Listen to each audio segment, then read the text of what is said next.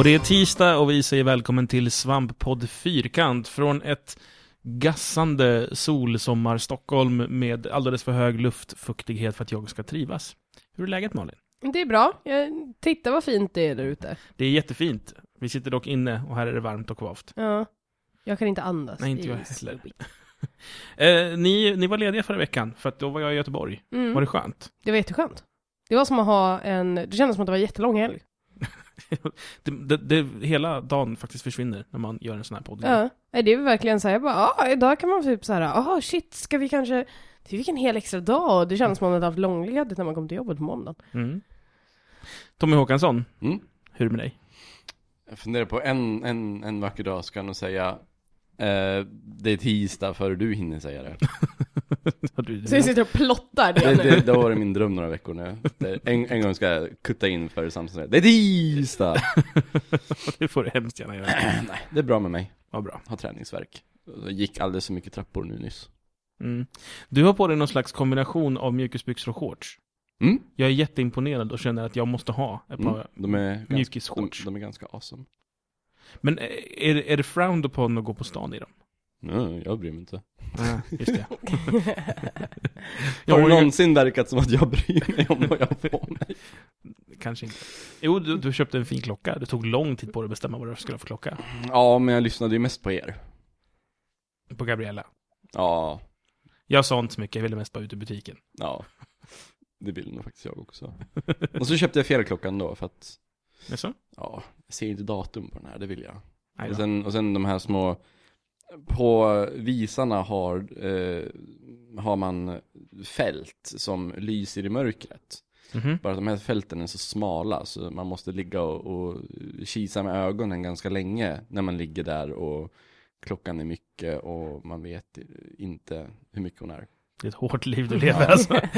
Så nästa gång jag köper en klocka ska det vara större självlysande fält på visarna. Du ska inte bara ha lite bakbelysning som du kan så här, klicka på en knapp så lyser Ja, det skulle också vara bra. Undrar om man skulle köpa en digital klocka nästa gång. Jag tror du ska ha en sån här klocka som man får på typ tivoli med en sån här arm som du vet, går ner och plockar upp. En sån som är gjord i En helt sån så där här i griparm. plast, så att Ja. hela skiten kan lysa. Exakt, En, en, en Pikachu som- på urtavlan som lyser. exakt. Han blir så här elektrisk. Det vill jag ha. Kanske det.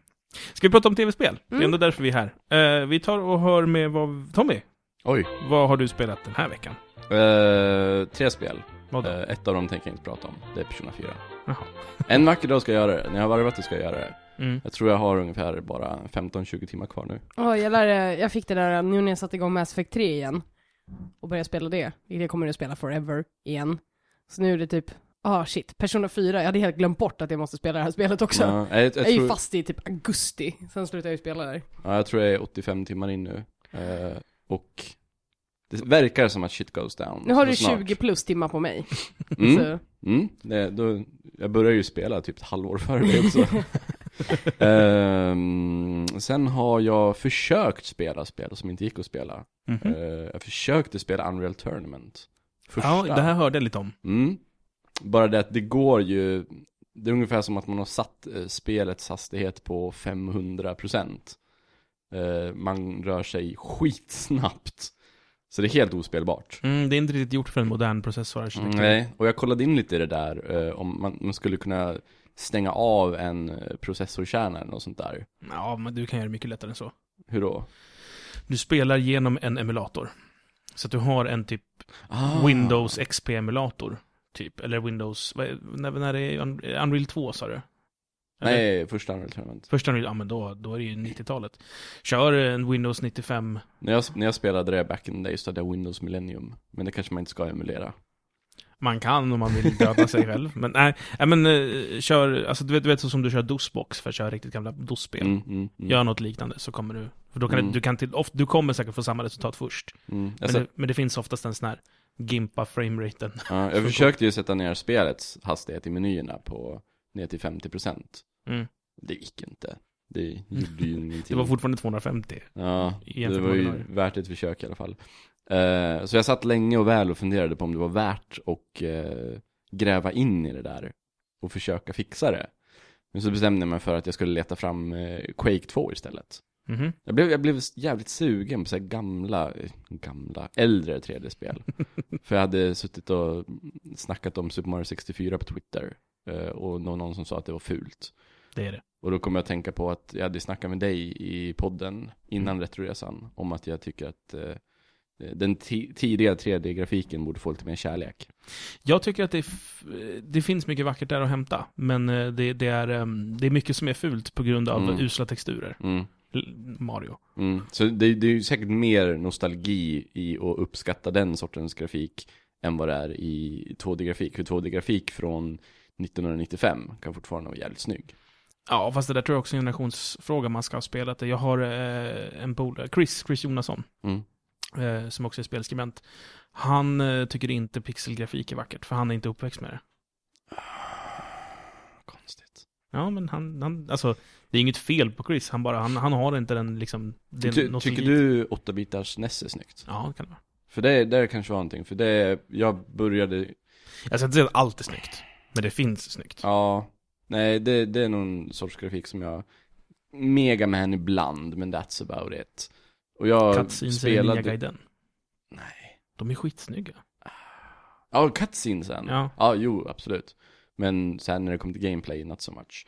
Det beror helt på vilken palett de har valt. Ja, Det det, det, det verkar ju vara så en genomgående samma färg på många eh, NES-spel. Många har den här eh, brun, grön och röd. Du vet, Castlevania-paletten. Ja, det, var väl så att, att man väljer en palett och sen måste man stick to it för hela spelet. Eh, inte för hela spelet, men åtminstone under hela banan. Tills det är dags att ladda. För att de kan bara visa en viss mängd färg. 16 tror jag. Ja. Ehm, nej, och jag började ju inte spela eh, i och med NES. Innan, eh, alltså jag började spela när jag fick Super Nintendo. Eh, Super Mario All-Stars. Eh, och sen efter det så fick jag ju Link to the Past och då började jag så här, oh, spel. Eh, och innan där var det ju som Commodore 128 med Last Ninja 2 och sådär. Men NES har. NES har jag aldrig liksom uppskattat sådär. Så det kanske ligger någonting i att man måste ha vuxit upp med det. Kan du uppskatta Commodore då? Jag tycker, jag tycker Last Ninja 2 till Commodore 128 Jävligt snyggt Körsbärsträden där alltså Fy fan vad snygga de är Ja, Alltså- ja det, det finns till och med gamla Atari-spel som jag tycker är vackra. Men det borde jag inte tycka, för de är verkligen fula. Ja det är de Men det finns fina där också. Ja, jag tycker allt så avlångt jag tar i Ja. um, Vilket fall som helst, eh, det var därför jag blev sugen på att spela gamla 3D-spel Så du spelade Ja lite just det, det var där vi var. Så du spelade lite Quake 2 Eh, Gick det för igång då? Det gick, och det gick i normalt tempo Mm, Carmack vet du. ja. Framtidssäkra sina spel. Så det var jättehärligt. Eh, lite problem att få det i hög upplösning och fullscreen samtidigt. Mm, det är vanligt. Det kan behöva knökas med. Ja, så jag Går att bara, lösa. jag bara pumpade ner det till den högsta jag kan ha och samtidigt har det fullscreen då. då. Mm. Men det är ju fullt acceptabelt. Ganska snyggt faktiskt. Det är, inte- det är väl gjort för kanske 1024 768. Det, Ja. var, det var typ high-end på den tiden. Mm, jo, det var precis det jag, det jag körde i faktiskt. Mm. Ehm, Gud vad det spelet handlar mycket om, alltså utmaningen i det spelet handlar mycket om att utnyttja AIn. Alltså Ja. lura AIn. Den är så fruktansvärt dum. Ja, så, så, så, så fort man har lärt sig hur man ska exploita AIn så är det så jävla lätt. Då är det bara att döda alla i rummet och sen listar man ut vart fan man ska, för där ligger utmaningen, veta vart man ska.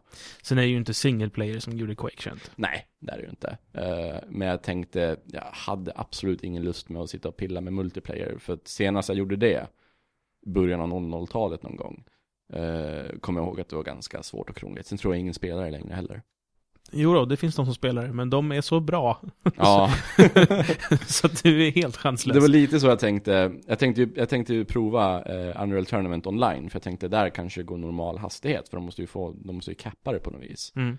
Eh, men sen när min brandvägg höll på och krångla och inte ville släppa in uh, Unreal Tournament så tänkte jag nej, jag går nog inte online för jag kommer bara få stryk. för det här är killar som har suttit och spelat bara det i tio år säkert. Och du har nog också minnen av att så här, jag var en gång i tiden i elitnivå på det här. Mm, och så kommer jag få stryk och så kommer jag må dåligt. Det hårda uppvaknandet, det kallduschen av att kidsen har sprungit om dig. Ja, jag, tänk, jag, tänk- jag tänkte ju spela mot eh, en bot, en mot en på svåraste, på Godlike. Mm. på Deck 16. Det var det jag såg fram emot att göra, för det är så jävla kul. Eh, om man låter botten få tag i minigun eller sniper, då är man körd. då kommer han ta en. Så det, hela det handlar om att kontrollera minigun och sniper. Eh, men det gick som sagt inte. Eh, men Quake 2, ja. Eh, svårt, svårt att veta vart man ska i det spelet tycker jag. Det handlar, handlar mer än vad jag trodde om, det känns som en labyrint ibland. Och sen så här, återgår man till gamla ställen. Så här, inte backtracking, utan det är mer att det blir så en U-sväng tillbaka till något gammalt ställe och då finns en annan gång öppen. Ja, alltså det är tydligt här att eh, Half-Life har inte riktigt blivit stort när Quake 2 utvecklas. Mm. Vilket gör att Quake 2 fortfarande bygger på IDs gamla skola av att så här, det är en enda map och du ska i princip hitta utgången. Mm, och så känns det så konstigt att samla keycards. You need a blue keycard to open this door. Och det fan vad det här spelet är gammalt! Du behöver blåa keycards och röda och gula och gröna. Ja, Istället för bara den klassiska This door is locked och sen så öppnas den via en filmsekvens när den sprängs inifrån. Ja, precis. Och det var ju, jag såg ju en, såg ju en hemlighet genom en sån här spricka genom en vägg. Um, eh, shotgun som satt och snurrade där, så man kunde se det. Och då tänkte man, ah, är det här någon sån här problemlösning då? då? Så hade jag en machine gun, så av, eh, fyrade jag av några pjum pjum pjum på väggen. Och den bara exploderade och föll tusen bitar. Ja, ah, problemlösning. Eh, Shoot it some more. Precis, det är lösningen på allt i Quake i stort sett. Ja, men jag, jag, jag hade kul faktiskt. Satt och tänkte, som jag gjorde när jag spelade, oj vad coolt det är med all den här färgade belysningen i realtid. Nej, det satt jag faktiskt inte och tänkte på. Det är så att jag, man såg så här, en lavaskott som hoppar upp så bara, det blir rött på väggen. Ja, eh, det, det, det är någonting med eh, känslan i hur Quake 2 ser ut som tilltalar mig. Mm, Strog-världen är också den bästa av Quakes världarna. Strog är ju fienderna i tvåan. Ja, I första så är det ju någonting annat. Men Strogs är helt klart de mest intressanta. Och därför blev jag så sur när Quake 4, som hade Strogs, var så dåligt. ja.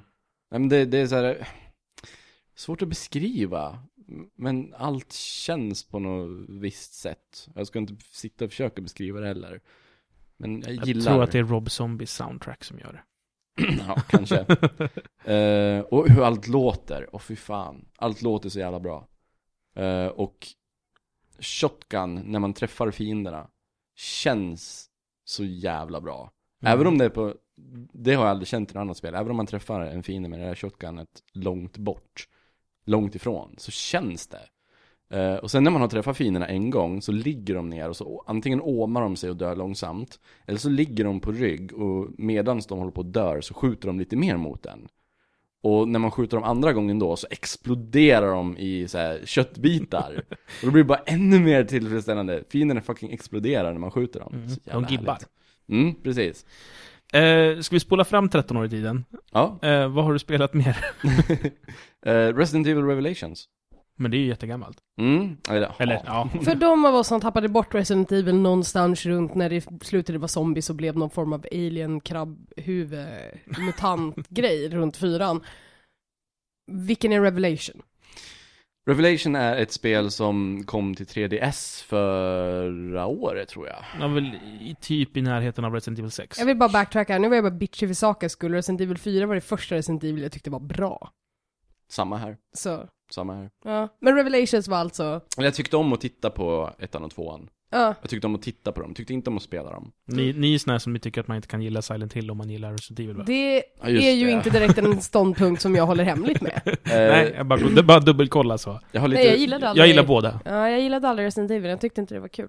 Jag gillar att titta Eller på båda, läskigt. inte att spela Jag gillar att spela Silent Hill, men jag gillar inte att spela Resident Evil. Jag Resident, kom. Resident Evil gillar jag inte att spela för kontrollerna och Silent Hill gillar jag inte att spela för att jag orkade inte Men Silent Hill hade ju blev dåliga kontroller för att det liksom, det blev ju, de, det var ju säkert inte meningen att det skulle vara en feature, men de gjorde ju det till en feature. mm, Det blir, man får panik Exakt, för att det är dåliga kontroller. I Resident Evil så är det bara så här jobbiga kontroller. Typ- Nu ska vi inte bitcha på det för då får man jättemycket hate för alla älskar Resident Evil, men jag tyckte att fyran, fyran och femman när de typ när de mer gjorde det här actionfokuserade så blev det Och roligare. jag vill ju säga att det här Resident Evil Revelations är det bästa Resident Evil sen Resident Evil 4 skulle jag säga Men det här är inte någon undertitel på Resident Evil 6 som alla hatar. Nej, okej. det är jag höll på nu att säga att det här är inte ett dugg som Resident Evil 6 Men det är som Resident Evil 6 i den mån att det finns tre separata kampanjer som eh, går parallellt med varandra Men och det- man slängs mellan dem Det är den här som är på en båt. Delar Mm. av i alla fall. Det är eh, I'm mestadels på en båt. Mm. Eh, och det, det är liksom det bästa med det här spelet. Har du ropat I'm on a boat när du spelar? Nej, det har jag inte. Jag har inte sagt um, Oh fan, I'm sick and tired of the motherfucking zombies on this motherfucking boat. Jag har inte sagt det heller. Eh, men ibland slängs man eh, till andra kampanjer som inte är på en båt. Men det är, inte, det är inte 3D-spelet du har spelat nu antar jag? Nej, det är till Xbox 360 nu. Kommer till eh, Playstation också, och till Wii U. En eh, HD-remake sa han med kaninöron. Ja, precis. Så det är ett eh, 3DS-spel som har fått en HD-remake till Mm. 360. Konsol. Ja. Ja. Eh, det var inte bara ett ah, det var ett äh. Ja, men det var bara såhär, ah okej nu förstår jag samt eh. nu, nu förstår jag att det här är iffy. jag, är inte, jag är inte superbra på att artikulera mig, det Men- kan jag ju inte påstå. Det- Resident Evil Revelations till 3DS var ju ett jävligt bra spel. Och det här är fortfarande ett jävligt bra spel. Men kontrollerna är lite skönare nu. Eh, och jag tycker inte att man ska, alltså spel som ett så här vanligt Resident Evil ska inte, det passar inte bärbart format tycker jag. Eh, det här, Nej, men va? vad är det du säger? Sitter. Tommy Men- och säger att vissa saker inte passar som bärbart? Absolut. What? Oj! Det här är inte ett sånt där lättsamt pick up and play eh, som man kan spela bara fem minuter. Som jag tycker bärbart ska vara. Som Zelda till exempel, som är pick up and play bara fem minuter. Nej, det ska det inte heller vara. Nej, just det. Men där kan, nothing more. där kan man i alla fall spara när man vill. Ja. Jag ska Eh. sluta bitcha mig mot min 3DS. Ja. Men eh, nu känns det som att spelet kommer liksom, liksom till sin fulla rätt. Att det är så här, i sitt rätta element. Eh, och Men- det är ganska snyggt fortfarande. Det är okej, det var det jag skulle komma till. Är det inte så här en massa 3DS-sigheter i grafiken? Mm. Nej, de har gjort ett bra jobb. Eh, Det ligger redan en quicktip uppe på det här på Svampriket där man kan kolla hur det ser ut. Eh, om ni kollar på det på, direkt på YouTube och inte på Svampriket så är det bara att ignorera alla arga kommentarer om att vi pratar svenska. Det är jätteroligt. Ehm, Ni får väl realtidstexta? Ja, ja, vem ska göra det? Tobbe? Nej men man får lägga på, inte realtid då, men lägga på så här äh, Ja, det får Tobbe. text. Tobbe får skriva eh, captions. Jag sitter vi och pratar jättedålig engelska, Ja. men vi vet att det är ett spel som kanske kommer få uppmärksamhet. Eh, nej, fuck alla som bryr sig om det. Eh, och På YouTube på ett annat språk än engelska, vad är det här? det, det, de här andra två kampanjerna som inte är på en båt, då är man i en stad som... Vilka spelar man som? Och Jill Mm. och Chris? en... Var Barry med på ett hörn? Ja, jag tror det är Barry som ser ut som Thomas Brolin. Ja, han är Eh, lite tjock. Han är lite plufsig sådär. Ja, det är Barry. Det är Barry. Det är Barry. Och så Populär Chris bara bland västerländska eh, spelare. Jaså? Barry är jättepoppis i väst, men alla i Japan hatar honom. Ja. Så Capcom var helt såhär, varför vill ni ha Barry för? För han typ var med, det var någon omröstning om vem vill ska vara en spelbar karaktär i Resident Evil Revelations. Jaha. Och amerikanerna var såhär, Barry? Jaha. Och japanerna var såhär, va? Varför? Nej! Amerikaner kan ide- identifiera sig.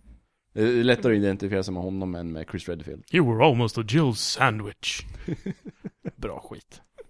Eh, och så Chris Redfield. Master Och, of Unlocking var väl också han? Ja, det är han också. han står för alla oförglömliga repliker. och man är ju i vinterlandskap uppe i berg och det är snöstorm och så här. Och så är man på en båt. Och så är man i en stad som är så här väldigt konstant solnedgång. Så det är helt gyllengult hela tiden. Och så ska man fly från ett eh, höghus. Så det är mycket trappspring och sådär. Eh, och grejen med dem, på båten är det så här den gamla skolans Resident Evil. Där fienden är långsamma zombies. Mm. Det är ont om snabba fiender där. Och de springer omkring i lufttrummorna och det är så läskigt och det är slem som droppar och sådär. Det är absolut bästa delen av eh, det här spelet. Eh, de andra delarna är inte dåliga, men fienderna är lite för snabba för att kontrollen ska hinna med. Eh, de springer mot den flera stycken, speciellt i snövärlden då. då. Eh, då kan det bli lite frustrerande, men det är liksom ingenting som bryter spelet, utan det är fortfarande hjälper att spela. Eh, jag minns från när jag spelade på 3DS, jag har inte kommit hit än i, i, i recension 6.1, men jag minns från 3DS att det finns på båten ett väldigt irriterande moment. Som är det mest irriterande momentet jag någonsin stött på i ett Resident Evil-spel. Och det är när man går omkring i den här båten eh, långt nere i den, i så här midjehögt vatten. Och i den vatten simmar det stora zombiehajar som kan dy- man, man ser dem inte när de kommer emot en. Helt plötsligt dyker de bara upp mot den. Och då måste man dodga jävligt fort och det är helt omöjligt att hinna. Eh, så jag står i ett hörn med min, med typ väggen mot ryggen i ett hörn och står med min shotgun.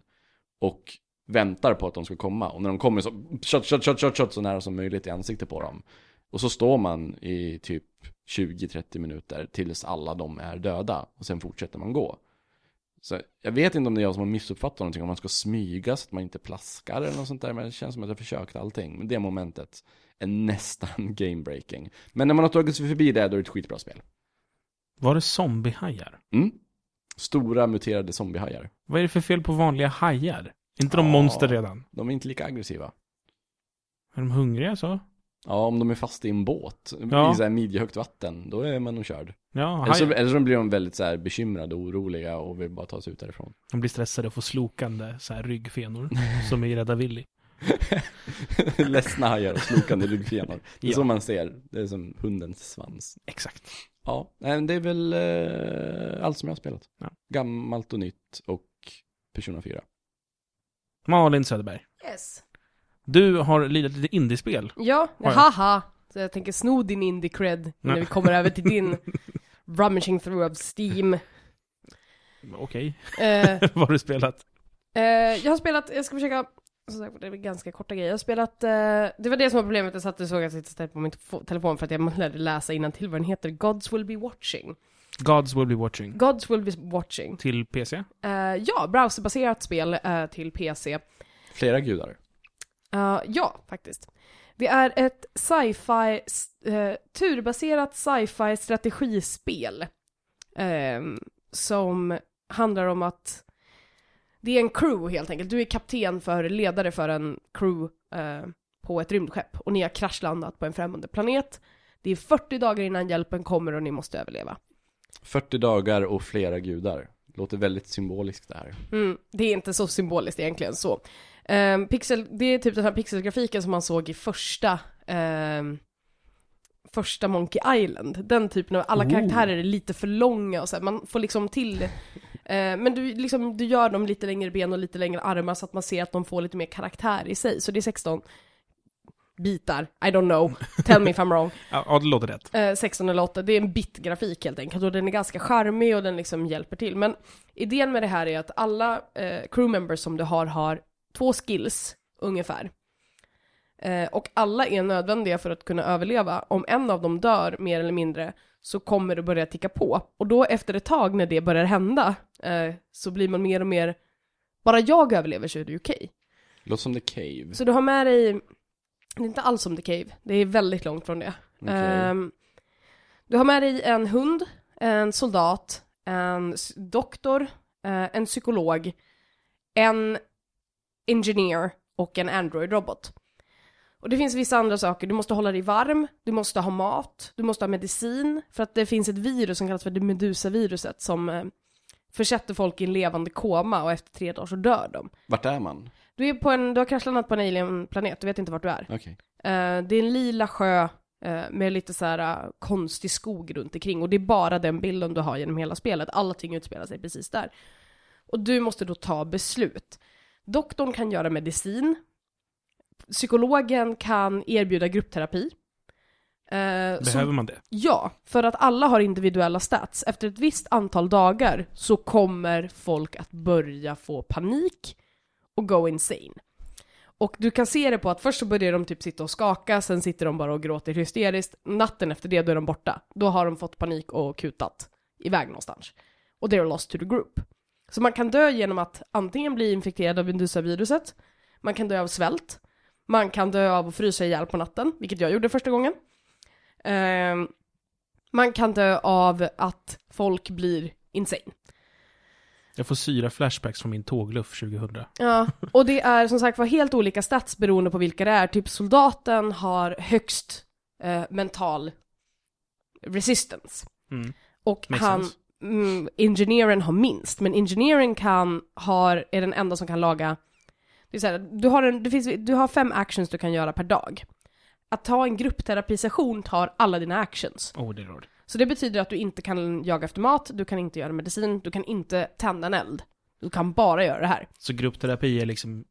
Det, ja, det är inte det högsta på dagordningen ifall man måste göra annat med andra ord. Nej, alltså du fryser ju ihjäl under natten om du väljer gruppterapi, men om du inte gör det så kanske soldaten blir galen och springer ut i skogen och då har du ingen som kan jaga med vapen. Låter som Persona 4. Ja, men lite grann. Eh, så du måste research managera det här och sen efter ett tag, det finns också en kill eh, option på alla, utom dig själv. Ah, Och så, androiden, androiden har disable. vem, är, vem är man själv? Du spelar the commanding officer. Okej. Har jag någon skill? Eh, nej. Det enda du kan göra är att säga åt folk vad de ska göra. Du kan tända eld. Aha. Engineering kan laga en radio. Det tar 30 dagar att laga den. Eh, Oj. Vad dålig han är. Han är ändå så bäst på det. Androiden kan också göra det, men han är betydligt sämre. Du har en hund med dig som kan jaga, men det är bara 60% chans att han kan hitta mat. Men han behöver ingen ammunition. Soldaten har 90% chans att hitta mat, men han slösar ammunition. Ammunition är någonting som är begränsat och som du inte har mer av. Du kan inte göra det. Doktorn kan göra medicin. Eh, Det är typ, vä- förlåt jag avbryter, men är inte det här världens mest avancerade Tamagotchi? jo, typ. Eh, Jag är jätteintrigued. Men idén med det här är att teoretiskt sett så, du, efter ett tag så börjar man ju resonera, vilken här är överflödig? Vem kan jag klara mig utan? Det blev lite otrevligt. Men det är ju typ, hela spelet bygger upp till att från början så försöker du ju rädda hela gruppen. Mm. Det här ska gå bra, jag har planerat bra, jag har gott om mat, gott om det här, sen shit goes down. Specifikt när folk börjar bli liksom skakiga och sitta och grina och man är så här crap, måste få upp det här. Eh, och ibland kan det krävas fler liksom så här, för att är de inne i stadie 3 av depression, då behöver du flera gruppterapisessioner för att de ska komma tillbaka till sane. För i alla fall så sitter de bara och gråter och skakar liksom. Ehm, och det här är liksom en research management hela tiden, det är så här, okej, men kan vi lämna den här killen som är nu är infekterad av Medusa-viruset, kan vi lämna honom för vi måste tända en eld idag? Eller vi måste göra en terapisession idag och sen imorgon kan vi rädda honom och tända en eld. Sen efter det kommer vi behöva göra en gruppterapisession igen. För elden brinner i två dygn. Och det är massa sådana här siffror som går i bakgrunden hela tiden. Men så, så i början tänker man, men jag ska rädda hela min crew. Det här, vi klarar det här. Sen efter ett tag så börjar man undra varför det finns ett kill option. Det blir jävligt stressed out bara av att lyssna på det här. Och sen så kan man använda kill option. Och så märkte man varför det fanns. Och så har vi en helt annan dimension av spelet helt plötsligt. Det, var, var, varför finns det? Eller är det spoiler? Det är en spoiler, Okej. skulle jag tro. Man kan äta upp den personen sen? Ja, det kan man. Om du dödar någon så blir de jättemycket mat. Right. Ja. Så när slut Fair på ammunition, well, what's his use really? Just nu är han bara i vägen. Av Android kan man kanske bygga en radio. Eh, ja, du kan få extra ammunition av den. Så du kan också säga, vi har slut på ammunition. Disabla Androiden för ammunition, eller skjut Soldier för mat. För att han kan inte jaga längre, så han fyller Ja. ingen funktion, han är Ja. bara en belastning. Hur mycket mat får man från en person? För en person ganska mycket. Jag vet inte exakt hur många enheter. Eh, Hur håller man maten färsk? eh, vi säger att de De de frystorkar dem. salt. Eh, Massa salt, ja. Ja, precis. De doppar i den här lila giggan och så blir det beef jerky. Vi säger att det är så det funkar. Eh, men det är ganska, det är ett uh, sjukt, jag har inte klarat det.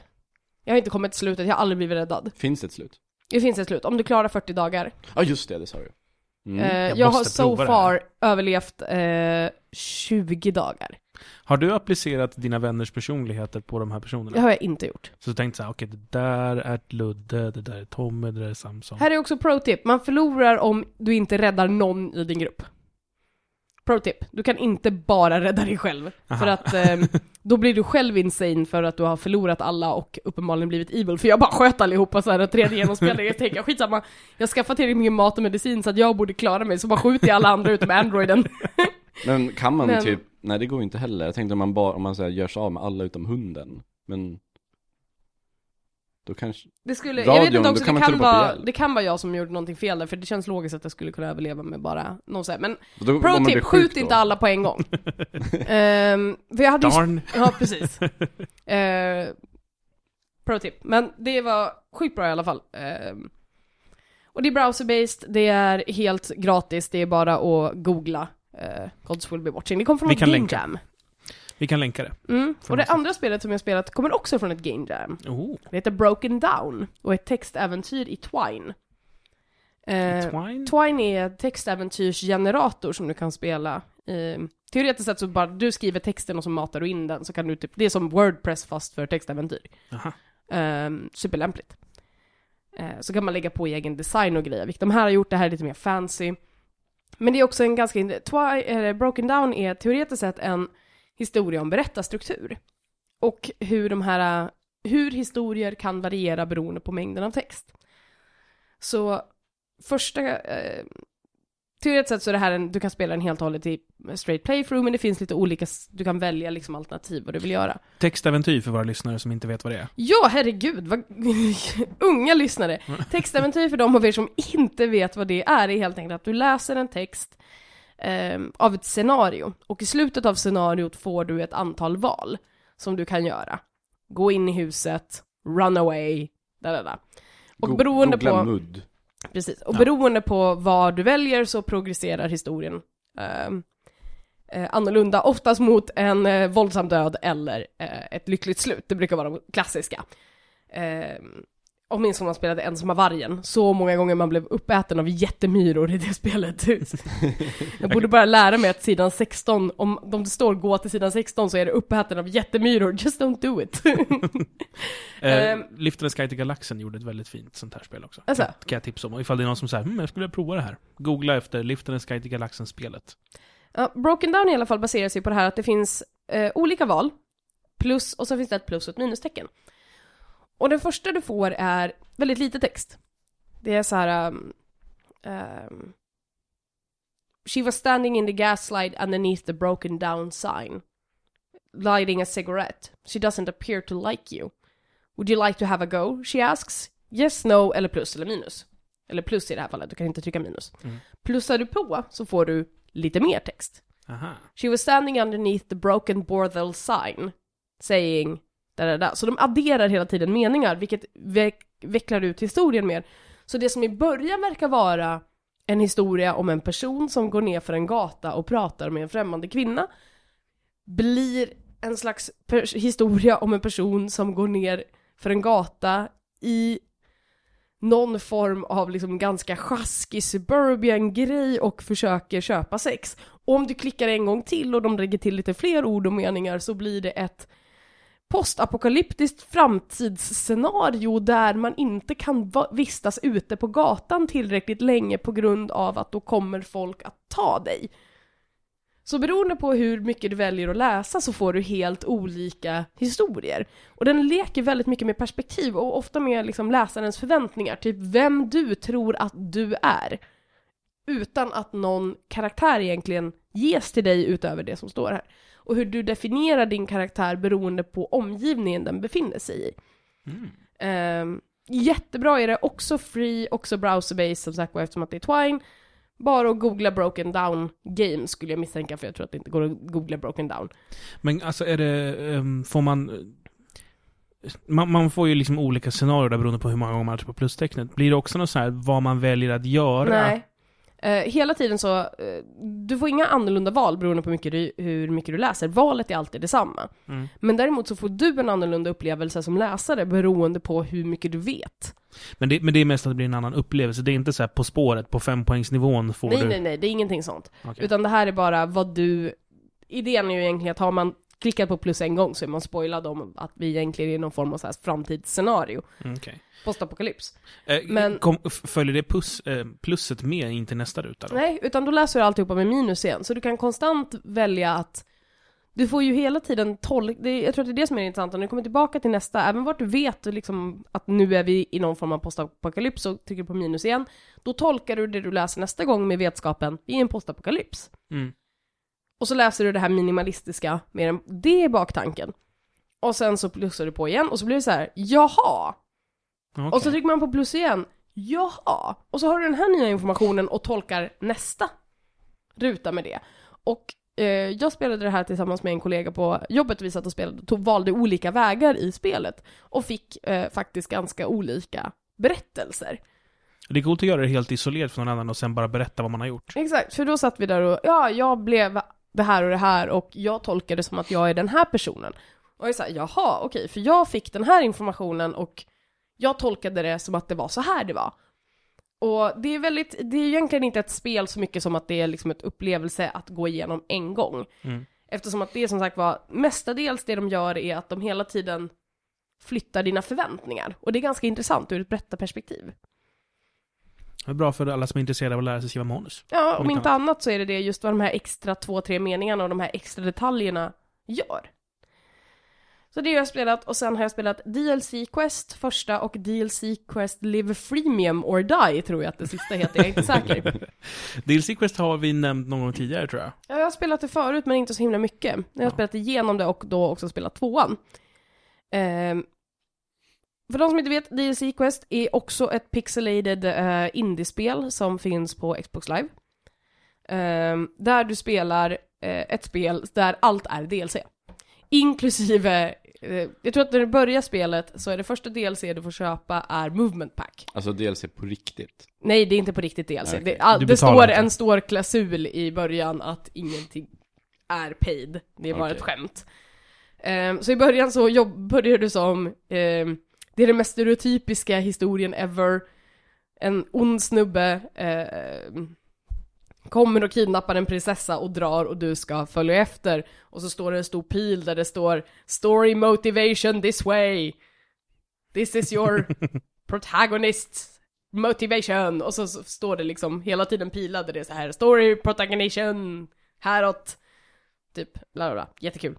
Ehm, och, eh, men eh, när du börjar spelet så har du inga animationer, du kan inte hoppa. Ehm, det enda du kan göra är att glida från sida till sida utan någon form av animation. Så då får du glida över fem mynt. Och så får du glida till en snubbe som kan köpa animation. Sen får du köpa eh, animationen att kunna hoppa och gå. Eh, vilket gör att du kan få tag i lite mer pengar. Vilket gör att du kan köpa musik eh, till spelet och ljud. Jättebra.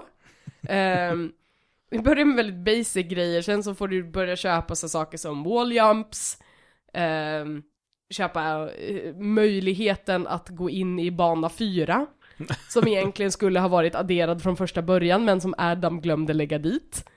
Det du kommer in i en värld som heter Adam Add World, Add World Name Here, och typ sådana saker på signs. Ah, nu, först, nu förstår jag. Du förstår vad idén är? Eh, det där är ju ett eh, gammalt spel, eh, eller gammalt skämt från Sleeping Dogs kanske? Där de hittade så här texturer, eh, där det står eh, Adam put texture here. Ja. Så sen hade han inte gjort det, så det var Ah. kvar i det färdiga spelet. Det var ju roligt. För det här är, det här är Adam Adworld, och det är som sagt var, hela, hela spelet går ut på att det är DLC, och DLC blir också allt mer ridiculous. Ehm, så i början så är det ju DLC som du behöver för att komma vidare i spelet, men sen finns det också helt onödigt DLC. Ehm, Horse Armor. det finns Horse Armor bland annat i första spelet för 250 guld, vilket är skitmycket pengar. Ehm, men det finns också, det finns bara en horse, och det enda den är till för är att den kan finnas Horse Armor. Du använder den aldrig. Men det är också så att de driver väldigt mycket med tropes i tv-spel, de driver med estetiska val som folk gör. Eh, så det är mycket mer än bara den här DLC, men det är också liksom väldigt roligt med själva eh, DLC-jakten, typ sexy DLC, så kan alla så här eh, i spelet få sexy outfits och så ser man en bild på prinsessan i en rosa bikini. Och sen när man faktiskt köper det så är det seriously alla i hela spelet såhär Old man står i sexy bikini och du ser aldrig prinsessan så det är ingen mening, alla är män och alla är gamla män nu iförda bikini Top hat ehm, DLC Man köper det så man får en liten hatt, jätteonödigt. Canadian translation DLC Abot, ja, allt de adderar ej på saker och ting. Och abot och det är det enda, och det, det DLC gjorde att min sambo inte kom igenom spelet för att han saknade ett mynt för att kunna köpa det sista DLC han behövde för att komma till sista bossen. No Också regrets. choices carry over uppenbarligen. Val som du gör i DLC Quest 1 kommer tillbaka i DLC 2. Jag är inte säker på att det faktiskt är baserat på om du har en gammal save eller inte, men det händer en grej, och, men det är så himla...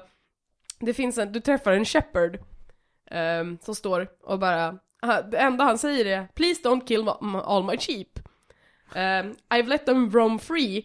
Ehm, Nej, tvärtom så blir det. I let my, all my sheeps roam free through the world. Please don't kill them. Och protagonisten svarar 'Hadn't even crossed my mind' Och sen hittar man ett får och så står det en skylt där det står 'Please don't kill sheep' Och man bara Stabity. Blev för uppmanad. Det finns jättemycket så här skämt, in-game skämt liksom, och skämt om tropes. Typ, det finns ett monster som kommer och, du måste rädda oss från det här monstret som kommer och typ eh, mördar folk i, mitt i natten. Which also conveniently explains why there are so few of us. Men är det här samma spel som Evo? det vet jag inte. Det släpptes ganska nyligen. Så det, är så här, det börjar med att det är väldigt så här low graphics. Det ser ut som typ Alltså Pong-nivå verkligen, alltså vita spray, eller vita Nej, prickar på inte svart skärm. Okej, för där, där, blir, där hittar du ju skatter som är att de låser upp och så här, åh titta nu har vi 2D-grafik och så har du det och så bara, åh kolla nu har jag ett vapen, åh kolla vi har låst upp en världskarta. Nej, den enda spelmekaniken här är ju plattformshoppande, sidoskrollande för att samla pengar så att du kan köpa mer DLC som gör att du kommer längre in i spelet. Aha. Ehm, och DLC är baserat på tropes i tv-spel, det är baserat på internskämt, uh, det är baserat på jävligt mycket onödiga grejer liksom. Men det är ett kul spel, det kostar inte jättemycket, det går extremt fort att spela igenom det. Två timmar tror jag för båda två ungefär. Mm. Ehm, och det är alldeles lagom till man börjar inse att det enda jag gör här är att bara springa runt och plocka pengar och backtracka.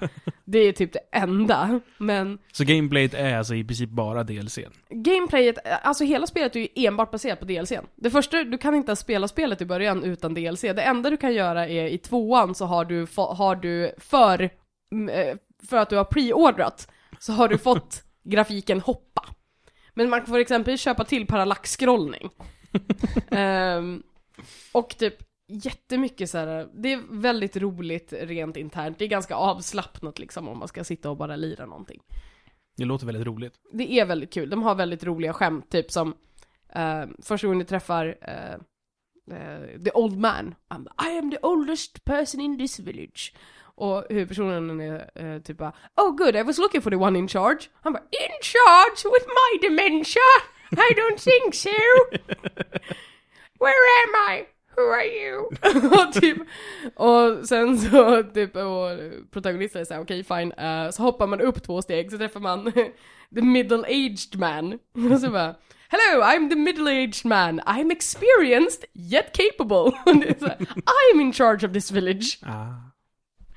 Det låter Ja. fint. Men det här är alltså eh, Xbox Live Arcade, inte Indie.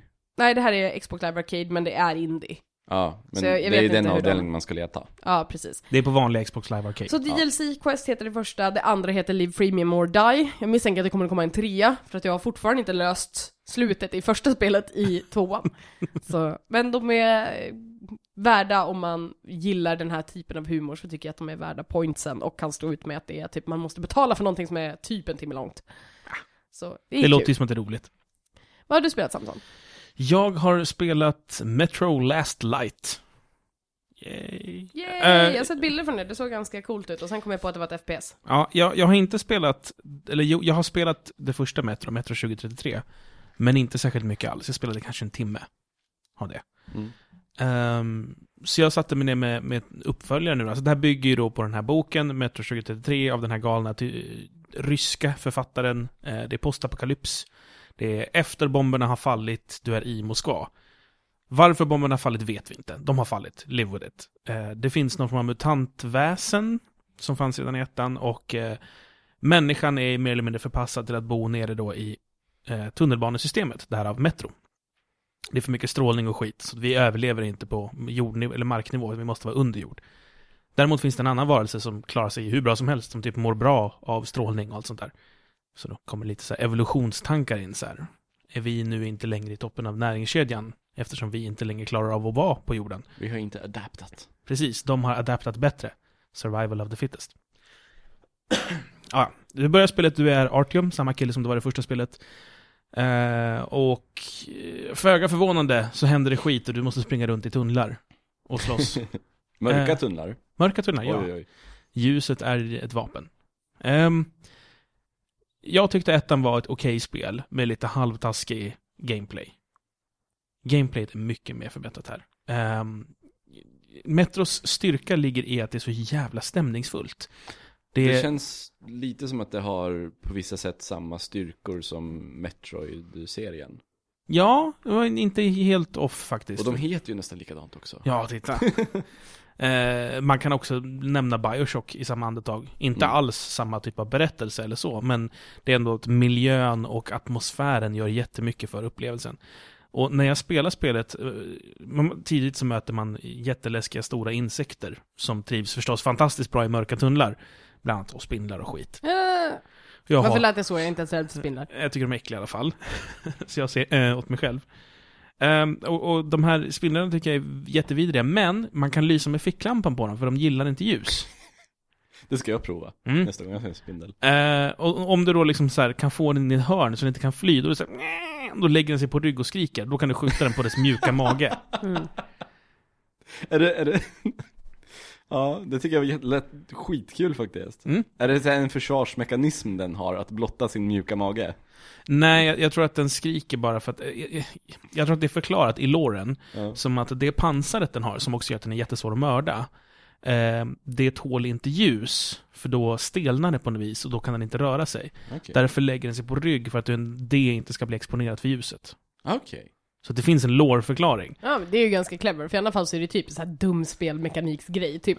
Som de där snurrande spindlarna i Zelda. Varför? Varför vänder ni Ja. på er? Gör det bara inte. De Mycket exponerar större- också sina mjuka magar. Exakt. Hur som helst i alla fall, de dör om man skjuter på den mjuka Mm. magen. Eh, det jobbiga med det här det är att du har ju inte en outtömlig ficklampa. Och det finns inga batterier att plocka upp, utan det du gör är att du måste, an- du har som en minigenerator där du kan pumpa upp mer el. Så du trycker på F för flashlight. Om du håller inne F och tar upp den här pumpen, och sen så trycker du då på musknappen. Jag spelar på PC förresten. Eh, och då får du upp den här generatorn, och då måste du pumpa den, och du måste pumpa den rytmiskt. Du kan inte bara... Du måste så här...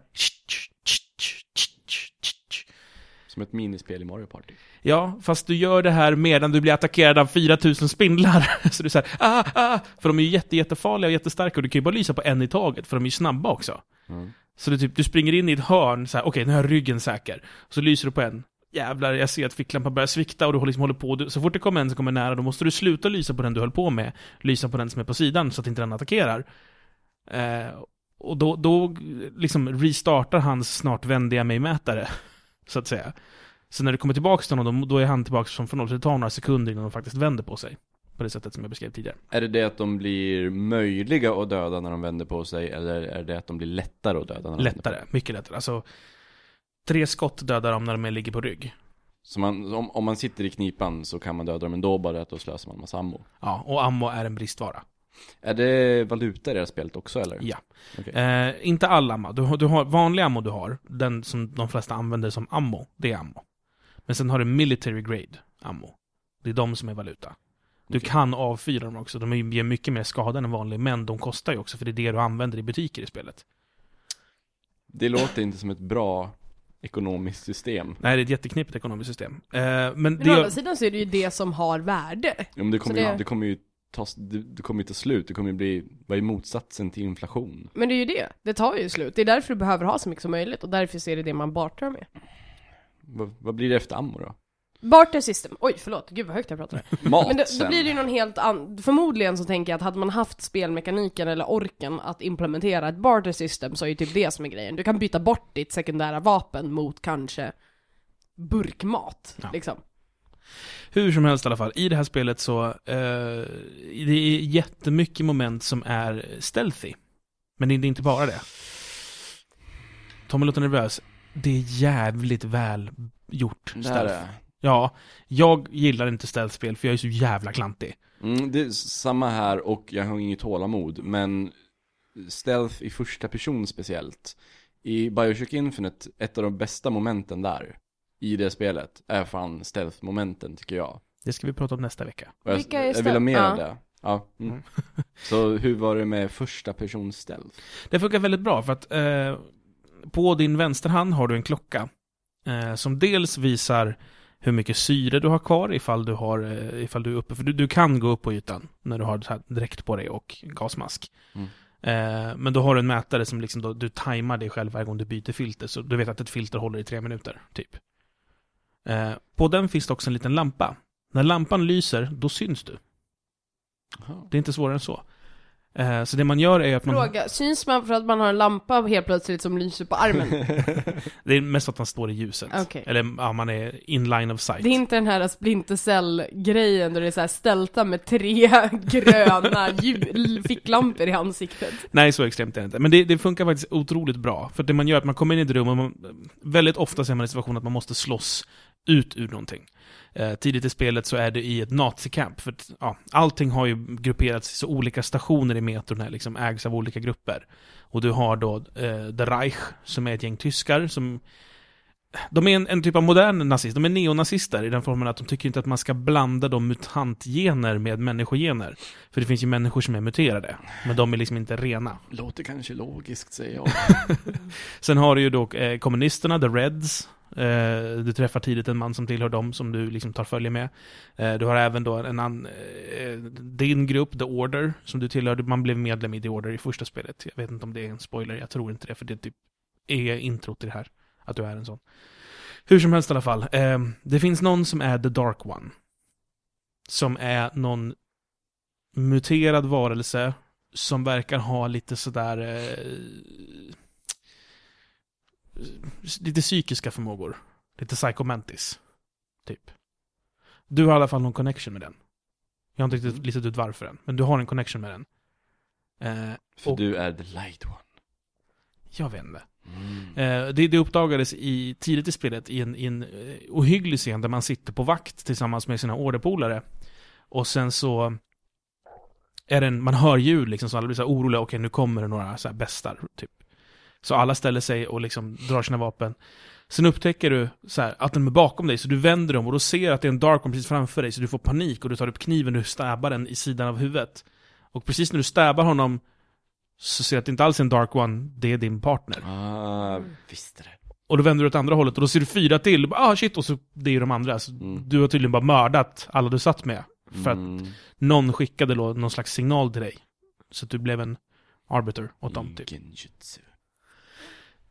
Hur som helst i alla fall, det är en jävligt intressant shooter. Eh, jag gillar inte shooters och det är fortfarande en del problem med att 90% av spelet är så här, följ den här NPCn. Vänta tills NPCn har öppnat dörren. Går NPCn jättelångsamt? Ibland, ja. Måste du gå runt i cirklar runt den medan du Mhm. väntar? Eh, den spanar om har jag märkt. Oj. För jag, eh, när jag spelar FPS så, så försöker alltid jag vara effektiv. Så när, när det är trångt och det är en NPC framför mig, då försöker jag se om jag kan så här, hoppa upp på något vis, typ genom väggen och komma framför honom. Och det går ganska mycket. Så jag, jag springer ofta före, så kommer jag fram till så här, en dörr som inte går att öppna, så är jag så här, åh vad jobbigt, så vänder jag mig om, då är han precis bakom mig. Så, ah, sweet. Bra.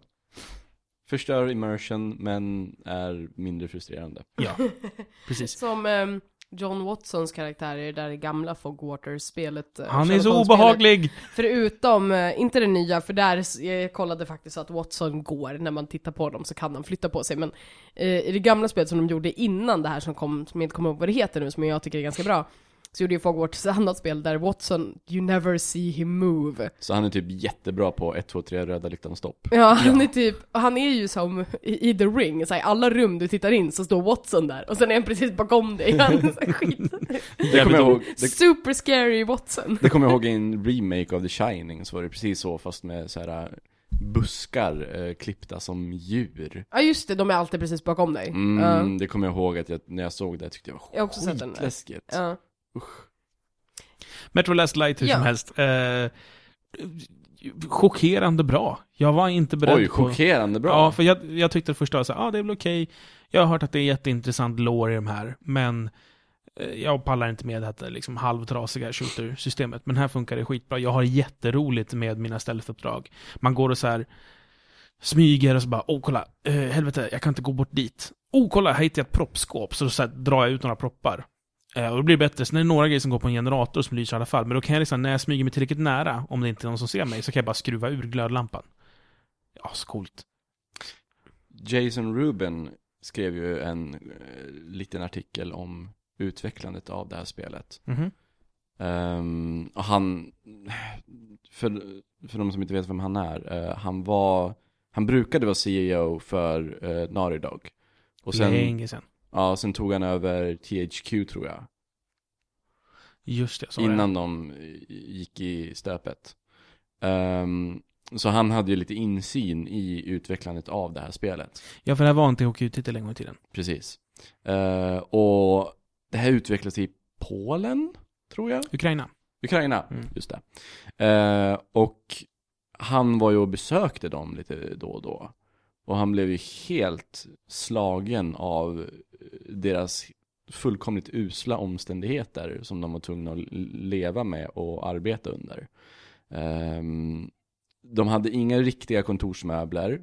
De hade inga riktiga, de satt bokstavligt talat armbåge mot armbåge och, och knappade på sina datorer. På sina inte så bra datorer. Eh, De fick nästan inte överhuvudtaget plats. Om en var tvungen att resa på sig så var andra också tvungna att resa på sig liksom. Eh, och ehm, de försökte fixa så här riktiga stolar för att de satt jävligt länge och betalade så här jobba extra utan extra betalt och sådär. Så de tänkte, ja men då fixar jag lite bekväma stolar åt er. Jag, jag, jag köper det åt er. Eh, bara att de stolarna eh, som han ansåg vara så här standard för eh, eh, Office eh, standard eh, fanns inte att köpa i Ukraina. Så de skulle få behöva importera dem från eh, ett grannland, om det var så här Polen Estland eller något sånt där. Ehm, var det att då skulle frakten göra så att de skulle kosta tre, fyra gånger mer än vad de egentligen skulle kosta. Eh, och när de här behövde till exempel en ny, ett nytt devkit eller något sånt där. Om de behövde till devkit, för som jag förstod det hade de bara ett enda.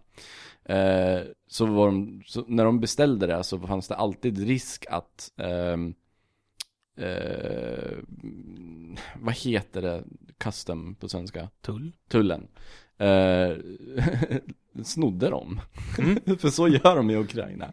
Det snor tullen saker som är värda pengar. Eh, så det gick inte att beställa inte bara i nya Ukraina, jag säga. devkit. Ja. Det var svårt att beställa nya saker för de blev stulna av tullen. Mm. Eh, och han blev så här helt slagen och fascinerad och budgeten var ungefär vad eh, AAA-spel, budgeten för hela det här spelet, Metro Last Light, var i samma ballpark som, som stor, så här, Gears of War 3 och 2 kanske eh, spenderar på en filmsekvens liksom. Men det ska ju också sägas att jag har ju haft, eh, mitt gamla företag hade ju kontor i Ukraina, jag har ju varit där och hälsat på. Mm. Eh, det är ju jättebilligt i Ukraina, det är ju därför man förlägger saker som IT-utveckling. Det är ett jättestort IT-land, det är, finns en boom i det landet med, eh, liksom, development och sådana saker. Det är som Det- Indien och callcenters. Ja, det är som ett, Mm. det är ett framtidsyrke i Ukraina och det är ett av de få som finns. För att de har inte, deras industri finns ju knappt längre liksom. Mm. Så att då är det ju IT som de har gjort och det är jättemycket ungdomar som satsar på det och den arbetskraften är snorbillig. Plus att, liksom, pengar är inte, våra pengar är värda så sjukt mycket där. Mm. Typ, tre rätters middag går på 200 spänn. Som sagt var, jag bodde på ett fyrastjärnigt hotell i en vecka. Och det kostade ett och fem för Mm. hela allting. Liksom det så att liksom de har en liten budget behöver ju inte, alltså de har mycket mindre budget än vad Gears of War har menar jag. För Gears of War har mycket högre utvecklingskostnader för att studion är belägen i USA. Jo, precis. Och det, precis, det har ju med det att göra också. För att jag, jag, jag tänkte liksom att det lät lite extremt när han sa att budgeten för hela det här spelet är ungefär samma nivå som budgeten för en eh, relativt lång filmsekvens Men jag skulle ju AAA-spel. misstänka att den budgeten eh, som de har för Metro Last Light är ungefär den budgeten som många av våra developers har också. Mm. Socioekonomisk diskussion åsido, så, så spelet eh, tycker jag, eh, det, det är någonting, jag vet inte om det är att det är de förhållandena, men eh, utvecklare från gamla östblock har en tendens att göra sina spel eh, inte, jag ska- jag ska inte säga att de är svårtillgängliga, men de, är, de försöker inte vara lika snälla som, som västlänningar försöker vara med sina spel. Och i det här fallet så är det positivt. Det är många saker att hålla reda på. Eh, och du ges liksom inte en, en så här... Eh, spelet är inte snällt mot dig, helt enkelt. Det är så här, eh, när du typ ska kolla dina vapenstats och kolla liksom, du ska byta från kastkniv till handgranat så trycker, håller du in tabben. Eh, du, kom, du får upp en meny, men spelet stannar inte för det. Det fortsätter bakom menyn, fast lite saktare, för att lite snällare är de ändå. Fuck you sucker. Ja, så när du är i en sån situation att du säger oh shit, oh shit, oh shit, oh shit, oh shit, okej, jag, måste, jag måste ta ut den där lampan, annars kommer de se mig. Oh shit, oh shit, de är här nu, de är här nu, de är här nu, okej. Tab, byt till kniv, och så kasta den på den där lampan så att den slocknar. Helvete, jag missade! Ah, shit, min sista kniv, vad fan gör jag nu? Okej, men jag, jag, jag kastar en handgranat som jag inte apterar på den. För då, då har jag bara sönder glaset. Ja, det kan vi göra. Okej, eh, byter handgranat. Jävlar, de hittade mig! Kan man plocka upp den handgranaten sen igen? Eller är den gone forever? Jag har inte hittat några, jag vet inte. För då, sen är det ju mörkt. eh, om man trycker ner vänster joystick, eh, finns det en pil som visar vart man ska gå då? Nej. Nej, då Eh, är det inte snällt det här spelet eller?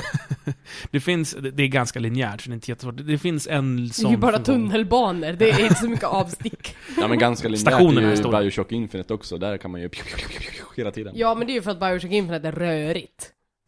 Jag ser ju inte vart det ska eller, det är för mycket grejer över. Gud vad vi börjar prata om det spelet ofta. Ja, Ja, det här- Vi ska sluta prata om när vi ska ha en spy... Ja, Fortsätt e- efter du. nästa vecka. Eh, det finns en funktion, du kan hålla in M, så får du upp en liten så här, han har ett skissblock där han har skrivit upp vad det är han håller på med. Där, Det ska jag ha från och med nu! ja, men där kan det stå typ så här, Follow Lucas to the yada yada station. Och så finns det en liten ehm, kompass som pekar åt det håll du ska. Men den är inte supertydlig. Den, den är inte så som i Bioshock Infinite, det är så här, ah, okej, jag ska vänster för att ta mig ut i det här rummet och sen höger. Den här, den här bara pekar på målet. Sen bara, men det är en vägg här. Jaha, okej, jag måste gå ut och runt för att ta mig dit. Så han är en lite mer avancerad version av Sarah Palin som inför ett tal hade skrivit eh, Freedom på hand, handflatan så att hon inte skulle komma ihåg. så att hon skulle, inte skulle glömma Ja freedom. just det, det var det jag höll på med. Freedom. Eh, ja, han är lite mer avancerad än Sarah Palin. Uh, ja, jag har skämtat mycket och så, men det är ett skitcoolt spel. Uh, Chockerande bra. chockerande bra. Jag var inte alls beredd på det. Jag längtar hem för att få spela mer. Chockerande bra, Samson Wiklund kommer stå på omslaget till Gothia edition sen. Man kan alltid hoppas. Det var vad vi har spelat va? Eh, Jag har spelat lite på min 3DS, men det är skitsamma. Jag spelar Mass, Mass Effect igen. Vi Ja. behöver inte göra det. Så, så fort Samson ser en nämna eh, bärbart eller, i, i något, något slag så måste han eh, ösa lite bitterhet. Ja, men jag, jag är bitter. Vet du vad jag är bitter över idag? Jag kan, jag kan berätta det. Eh, Niklas Sintorn jättesnällt gav mig eh, hans eh, Circle Pad Pro. Ja, till, eh, till, för han har ingen Excel. Så jag fick ah, hans, okej. eh, för han hade fått den i någon, han skulle resa något spel och då fick han den till, men han hade ju inte en Excel så han kunde inte använda den, så han gav den Precis. till mig. Snällt. Ja. Och han, hade hört mig klaga på att det gör så ont att ha i den, hålla i den. Eh, och jag bara, sweet, kopplar på den, startar upp Mario Kart. Ja, just det, det här Ja. såg jag. Va, det finns, alltså den den är ju större än vad en ordinarie 3DS är. Eh, och den har en egen då R och L-knapp för att man liksom inte når in till de innersta ordinarie. Mm. De är deaktiverade. Det är jättedumt. Ja, de funkar bara om spelet är eh, Circle Pad Pro-kompatibelt. Det är jättedumt. Ja, det, Nintendo! Mm. Det, det borde ju gå, det, det borde ju gå att patcha. det är klart det går. Så varför gör de inte det? Varför, när de gjorde den där Circle Pad Proen, så sa de inte så här, ja, och den här R-knappen, den kommer alltid vara en R-knapp oavsett vilket spel det är. Så länge den är på så är det här R-knappen. Hur svårt ska det vara? Det är jättekonstigt. Och man kan ju inte mappa om knapparna heller. Nej, men de, de, de reagerar inte alls. Knapparna, alltså, när du spelar ett spel som inte är Circle Pad Pro-fixat, eller Mm. kompatibelt, så gör inte någon av knapparna på Circle Paden någonting. Men jag menar, du kan inte mappa om så du driftar med, med Y istället, till exempel. Det går Nej. inte att göra det i Mario Kart. Inte vad jag har sett i alla fall. Nej, inte vad jag har sett heller. Så det, då är man ju fucked. Ja. Då kan man inte spela med Circle Pro. Ja, du kan ju spela utan att drifta. Ja, jo. Så kan jag ju jättekul. spela Doom utan att skjuta också. Ja, precis. Det blir jättekul. Jävla bajs. Ja, jag har spelat Bittrip Saga i alla fall. Det köpte jag. Bittrip sa. Ja, just det. Det är, det alla... Alla, sex spel i ett. Ut, utom den nya Bittrip Runner 2 då, Ja, antar jag. alla är ordinarie. Ja. Det är kul. Det är skitkul. Ja, en del av dem är kul. Runner är kul, alla andra tycker inte jag är kul. Flux är bra. Eh, hur som helst, soundtracket för det finns på Spotify. Allihopa. Skitbra soundtrack att ha. Ja. Nu vet ni det. Mm. Nyheter Tommy. Jag tycker det är dags för det. Tycker inte du? Det är dags för det.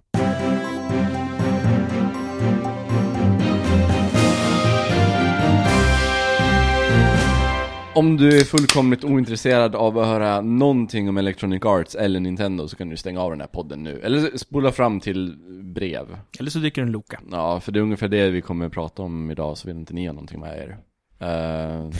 Eh, det har ju Nej. hänt saker med Electronic Arts. Eh, Mhm. Samson, du är väl den här inne som gillar Star Wars mest? Är det? Ja, det kanske är. Mm. Ja, det tror jag. Jag tror du får den titeln. Okej. Vad jag, jag du är milt intresserad av Star Wars om det går på TV och jag inte behöver anstränga mig för Ja, att se det. okej. ungefär på den nivån ligger jag också. Eh, vad tycker du om att Electronic Arts är de som har fått eh, ta över Star Wars-licensen? Det tycker jag är bra. du tror de kommer göra gott?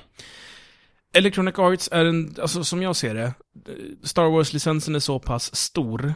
Eh, det finns så pass mycket man kan göra med den att de enda två husen som hade kunnat ha- ta hand om det här är antingen Activision eller Electronic Arts. Och av de två tycker jag mer om Electronic Arts. I alla fall Ja, hade det blivit absolut. Rockband Star Wars. Ja. Vilket det i och för sig sig typ redan har blivit. Exakt, och det gick ju inget bra. Also Rockband är EA. Jag förstår inte varför, är det det? Okej, Ja. men det andra då som Guitar de Hero. har jävla smurto, Ja, Jävla nej, men- Samson ska veta saker. orka, orka kunna. Ja, nej men jag tycker att det är bra. Ehm, sen hörde jag att eh, DICE är en av studierna som kommer jobba med det, men inte det DICE som vi känner. Inte Svenne Dice. Men de har Nej. ju öppnat en ny studio i Los Angeles som Precis. bara ska jobba med det här. Ja, tydligen. Eh, Så det är inte våra taco fre- på fredagar DICE, Nej. utan det är, Det är inte Twitter om Eurovision Song Contest DICE Mm. som kommer vara där, det utan är inte äta flinta stek DICE. och, de, och de som ska hjälpa dem är Visceral och Bioware såklart. ja. Självklart Bioware. Bioware känns väl lite självklart. De har ju redan jobbat med Star Wars-licensen tre gånger va? Ja, Mm. och de har gjort det bra de senaste gångerna, minus att det typ inte, det är svårt att göra MMOs, MMOs kickar inte Ja. igång. Så Ja, jag har inte spelat det så jag vet inte om det Det var bra. ju typ det enda Star Wars som jag var intresserad av, mestadels för att man kunde spela som olika, liksom. Det kändes som en kul grej och det var Bioware. Mm. Men, ah, MMO alltså, fan vad jobbigt. Man kunde ligga med folk i det spelet också, det tyckte jag var bra. Så då Det tyckte jag var bra. Ja, det tycker jag. Det är fem av fem från Malin. Jag har inte spelat det fem av fem. Men ett, ett, ett Star Wars-spel från eh, Visceral, och Visceral det är väl de Dead Space? Det Jajamän. däremot, det är nog det jag skulle vara mest intresserad av att se vad de kan göra. Mm. För, okej, DICE, en helt nyöppnad studio, visst. Då kan man ju inte kolla på de tidigare DICE-spelen direkt och kolla på att, ja, så kommer det vara. Fast det kommer ju fortfarande vara en ledning som är härifrån. Ja, de kommer ju for- fortfarande ha samma eh, spelfilosofier, om man ska kalla det. Ja, precis. Eh, Och Frostbite-motorn. ja, Så stor chans att det är ett first person shooter. fast Frostbite-motorn kommer ju fan... Eller bilspel. Det, Bilspel det är tydligen de två sakerna går att göra på. Använder inte alla EA-spel Frostbite Ja, snart? nu. Eh, och Bioware Alltså, är ju fyra. inte dugg spännande att se vad de kommer göra egentligen. Man vet ungefär vad de kommer göra, eller man tror sig veta, det är inte spännande. De kommer göra något Mass Effect Star Wars RPG-ish going. mm. Det skulle vara skitkul om de kunde göra ett som är lite mer Mass ambivalent. Ja. Men det är liksom, gud, vi hade en sån diskussion om det här på kontoret för ett tag sedan. Just, vad 17 är The Empire? Hur menar du? Vad är The Empire? Varför är de onda? Vad är deras motivation? Ehm, deras grundläggande motivation det är väl Sith... Sith-tanken. Varför är Sith onda? Eh, för Sith vill... eh, vill de är onda... Okej. s- Spoilervarning för senaste Star Wars... Nej, Star Trek-filmen. Eh, Star Trek? Ja. Star Trek Into Darkness kommer jag spoila. Varför då? Eh, Malin ser jätteskräckslagen jag kommer inte där. Eh, Jag har sett filmen, men varför då? Det, Ja men, ja, men jag kan inte säga det utan att spoila, så jag säger... Hur kan du inte... Men får jag säga spoilervarningen först och sen säga att kom tillbaka om ungefär två minuter? Fast varför kan du inte berätta varför Sith Lords är onda i Star Wars utan att referera nya Star Trek-filmen? Det är klart jag kan, jag tänkte bara göra det enkelt för dig genom att referera till Men varför Star on- Nej, du behöver inte referera till Into Darkness nu. Inga spoilers för den. Okej, Varför är- glöm allt, okej, Varför är Sith. Lords onda? Sith Lords är onda för att de ser eh, allting som inte är lika bra som en Sith Lord förtjänar inte att leva. Okej. Varför, var har de fått den tanken? i- Alltså det här är ju, varför? Var, I sådana fall, varför lever ens människor under Sith Lords? Uppenbarligen så är, de har ju ett helt empire. Means to an end, alltså det, sen också, det är ju typ två Siths i The Okej, Empire. Då ska jag köra båda händerna i luften och vara så här tråkig motivation för varför man är ond. Varför är du ond?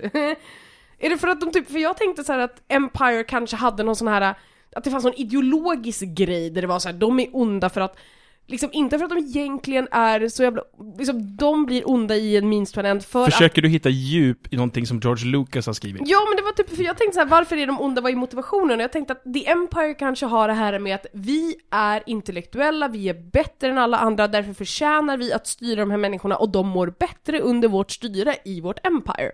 Och jag vill säga, vad finns ens en Empire, finns det ens en Empire-planet? Och det gör det uppenbarligen, och den är en hel stad, och that makes Det är no inte en sense. Empire-planet. Det finns en stad Det fin- eller? jo, det finns Coruscant, som Ja. är där den galaktiska senaten är. Ja. Där hela planeten är en enda storstad. Det är ju helt ologiskt. Ja, men den har växt, den, är, den var ju inte så först, det var ju som en vanlig planet. Men Men hur är det sustainable ens? För att de tar grejer utifrån, de Okej, importerar. De är Shanghai fast en hel planet. De är Las Vegas. De är Shanghai. De, ja, fine. De är Shanghai, Dubai, Las Vegas, you name Mm. it, vilken ökenstad du vill. De är en sån stad. Men Las Vegas, det är inte lika stort som Shanghai. Shanghai är helt, helt, de, de kan inte ens få in vatten själva. Nej, det kan inte Las Vegas Jo, heller. vi säger att de kan det. För att Shanghai är en roligare liknelse. Okej, ja, ja, det är Shanghai. En hel planet som bara är ett enda stort Shanghai. Ja, skitsamma. Det skulle vara kul om man kunde göra ett Bioware-spel där man får lite mer insight i The Empire. Att man typ kan växa upp i The Empire och vara så här och sen inse, oh crap! Och joina the rebellion. Och jag vill liksom ha lite mer, men du har rätt. Lite Jag, som Final Fantasy 4. jag glömde Ja. bort att det här var George Lucas. Ja. Alltså det finns ju Expanded Universe, men det är ju inte han, så det är ju inte canon. Eh, Det finns ju folk som har hittat på allt det där som förklaringar mot Jag har ju inte läst det, det finns ju. Men finns, eh, räknas det om det är fanfiction? För att det finns skitmycket lore som jag skulle kunna applicera. Nej, det, det här är, det, det här är eh, officiellt erkänd. Officiell fanfiction. Ja, Okej. typ. Men det är ju fanfiction, Det ja. kommer bli så, folk kommer vara så arga på att man inte tycker att Star Wars är det bästa som någonsin har hänt. Hur som helst i alla fall, jag, jag skulle vilja se alltså, mer så dumma saker. Jag vet, jo, nu kom jag på det. Jag hoppas att vi kommer få se en budbärare på Coruscant, ett spel om henne, som springer och ska leverera message bags. Ah. Kanske ur ett första persons perspektiv. Ja. Kanske det kan heta så här Star Wars on the edge of the mirror. Eller någonting. Det skulle vara jätteroligt också om, eh, det, där har du återigen, det skulle ju ta hur lång tid som helst. Det är såhär, ja ah, det här, var ska du någonstans? 50, eh, Aveny 56. What? Det är typ lika långt härifrån som till Kanada! Åh vad jobbigt! Ja, Kan jag få en cykel? spring, Nej! ja, men man är väl här i något speciellt distrikt, whatever! Varför skulle man använda en budbärare för det? Det kan man väl fan skicka med någon sån här cryotube-post eller någonting. Nej, för att de kan vara övervakade av Empire. Måste springa hela vägen. Det, men då kan de vara bionetically engineered också, då har vi det covered. Det är coolt har jag hört. Så det, Det det, det, det är hur ett eh, Star Wars-spel av DICE skulle kunna se ut då, då. Till exempel. Visceral. Hur ser ett Star Wars-spel av Visceral ut? Korridorsskjutare där man skjuter Ewoks som har muterat och är jätteläskiga. Man är Jabba the Hutt. ja! man har kraschat i rymden. Eh, och man ska helt enkelt överleva och ta Hur sig därifrån. snabbt kan han krypa fram? Inte särskilt snabbt, men han är en jävel på att trampa på saker. Ja, jo. Han behöver inte stampa mycket på huvudet för att öppna lådor. När han rullar över dem. ja, nej men det, jag ser fan väldigt mycket fram emot att se ett Star Wars-spel av Visceral. Eh, Disney själva kommer tydligen stå för uh, utvecklandet av de här små Facebook-spelen och Ja, alltså, eh, all, som, iPad-spelen och sådär. Allt som inte är konsol eller PC, har jag förstått. Åh, jag glömde ju att da- Disney äger det här nu. Mm. Åh! Åh, vad folk måste vara så... Åh nej, EA, de är ju superonda! Och så Disney som också är superonda. Åh. Men då- För att då- Lucas Arts har gjort ett sånt jävla bra jobb med Star Wars på senaste. Men då blir det två minus och då blir det plus. Exakt. Mm. Minus minus på plus. Eh, Matte! det här Star Wars 1313. 1313 Det känns som någonting som Visceral skulle kunna plocka upp tycker jag. Kanske. Jag tror att den är död. Ja. Jag tror att den, namnet kanske man behåller för att man ändå liksom ändå gjort en liten marknadspush med det. Ja, det är, liksom, om man plockar upp namnet så har man ju typ gratis hype på Ja, köpet. uppenbarligen. World War C, I'm looking at you, förstöra skitbra potential för HBO-serie. Ja. Mm. vi, vi går på nästa nyhet nu Tommy. Mer Electronic Arts. Jaha. Yay! Ehm, de slutar med onlinepass, har de sagt nu. Mm. Eh, Behövs ju för inte på att en folk- Always Online-konsol! Mm, precis. Varför säger de nu, ja, det verkar som att folk inte gillar det här, så vi är good guys och lägger ner det här nu när ni har gnällt på det i fyra år. För att man precis har bytt, C- man har precis bytt CEO. Mm, Man lät Riccitello gå och då tänkte man Okej, det första man gör när man byter ut någon på det här sättet är att man måste vinna goodwill. Av samma anledning, markera ny riktning och sådär. ja, av samma anledning som jag tror att det första Disney kommer göra med sin Star Wars-licens är att släppa Star Wars originalfilmerna på Blu-ray. Utan eh, special edition. För Ja. att för att, Ja. alltså, man kommer inte tjäna säkert mycket pengar på det, jo det kommer man, men inte, inte hutlösa summor. Men det är mest bara för att säga, vi vet vad ni vill ha. Mm. Vi är på er sida. Men jag kan ju inte låta bli att känna att, eh, har, de, har de fått den nya CEOn nu? Mm. Mm. har de? Nej, förlåt, jag bara sa ja för jag tänkte att du skulle säga ja och sen skulle jag slippa bli called on it. Jag, jag, jag har inte hängt med. Jag, Inte jag heller. jag har hört namn nämnas, men jag har Ja. inte sett något definitivt. Nej. Men det, jag har inte heller följt nyheten, så det kanske den är ute. Nej, jag har inte heller sett någonting på Reddit. Eh, det känns lite så här. nu står vi på tröskeln inför en ny generation. Där det har ryktats om någonting i form av Always Online. Um, och det har ryktats om, ja, Sony hade ju faktiskt tagit patent på eh, att, att, att konsoler, alltså spel ska vara bundna till den konsolen. Uh, så det blir lite så här, varför tar de tillbaka det här nu? Det är inte som att de förstår nu att folk är emot det. Nej, men nu, nu tjänar det ingenting till längre. Nej, det är lite så det känns. Ja, alltså det är ju det är ett PR-move bara. Det är ingenting annat. Det finns inget, god, det finns inget godhjärtat i handlingen att göra så Oj! här. Snacka inte illa om PR! Det kan, vara god, det kan finnas godhjärtade anledningar till att göra PR. Men kommer, kommer det finnas någonting på nästa generations konsoler? På nästa generations konsoler som, som gör så att det inte behövs längre kanske? Ja, alltså är vi i en sån situation att du bara kommer kunna spela Sony-spel till en konsol så behövs det inget online-pass, för online-passet är till för att ta betalt av folk som försöker spela samma spel en gång till fast på en annan konsol. Ja. Eller, så är, eller är det det att det helt enkelt inte har fått någon effekt? Ja, det har ju fått effekt, de har ju sålt. Jag vet inte hur många online-pass de har sålt, men de har åtminstone minskat med begagnat försäljningen av spel. De har alltså? Ja, alltså, du köper ju... Eller, de flesta som spelar Fifa tror jag spelar offline. De som Mm. bara köper liksom. Jo, jo. Eh, så där tror jag inte det är någon större skillnad. Men jag kan tänka mig att jättemånga kanske som köpte Battlefield, som inte köpte det på release utan köpte det begagnat för någon hundring billigare. Jag har ju köpt några online-pass. För när man får spel som man ska recensera. Om man vill prova dem, och de har online-pass. Mm. Jag tror inte man får någon kod med eller, utan då får Jag man köpa få. eget online-kod. Nej, jag har aldrig fått det. Ja, Jag får köpa egna, egna online-pass. utgivarna gillar mig online. me- mer än dig. Ja, de hör med Ludde. Hörru Ludde, vi, du ska få Need for Speed här. Vem ska recensera det? Ja, det blir nog Tommy det. Ja, men då skickar vi inga online-pass där. Så du är, har den här brevlådan det är han snart. som hatar allt. Det blir inga online-pass för Tommy heller. Ja, så är det kanske. Nej, men det ska bli intressant att se. Uh, Nu ska vi klämma några kronor ur den Mm. jäveln. nu, Det är idag, vår största kund, spelbloggarna.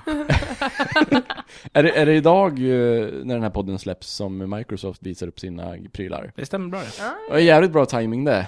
att vi kommer vänta en hel vecka innan vi har pratat om det. Ja, det blir perfekt. Men då... Åh, såg ni den där grejen som de visade upp? Det var coolt. Ja, Jag gillade verkligen lösningen som de har tänkt igenom, men jag hatade, ja, the obvious thing. Mm. Och sen kommer den här podden släppas typ nio på morgonen, men den kommer vara typ sex på kvällen. Men vi har sett pressvisningen.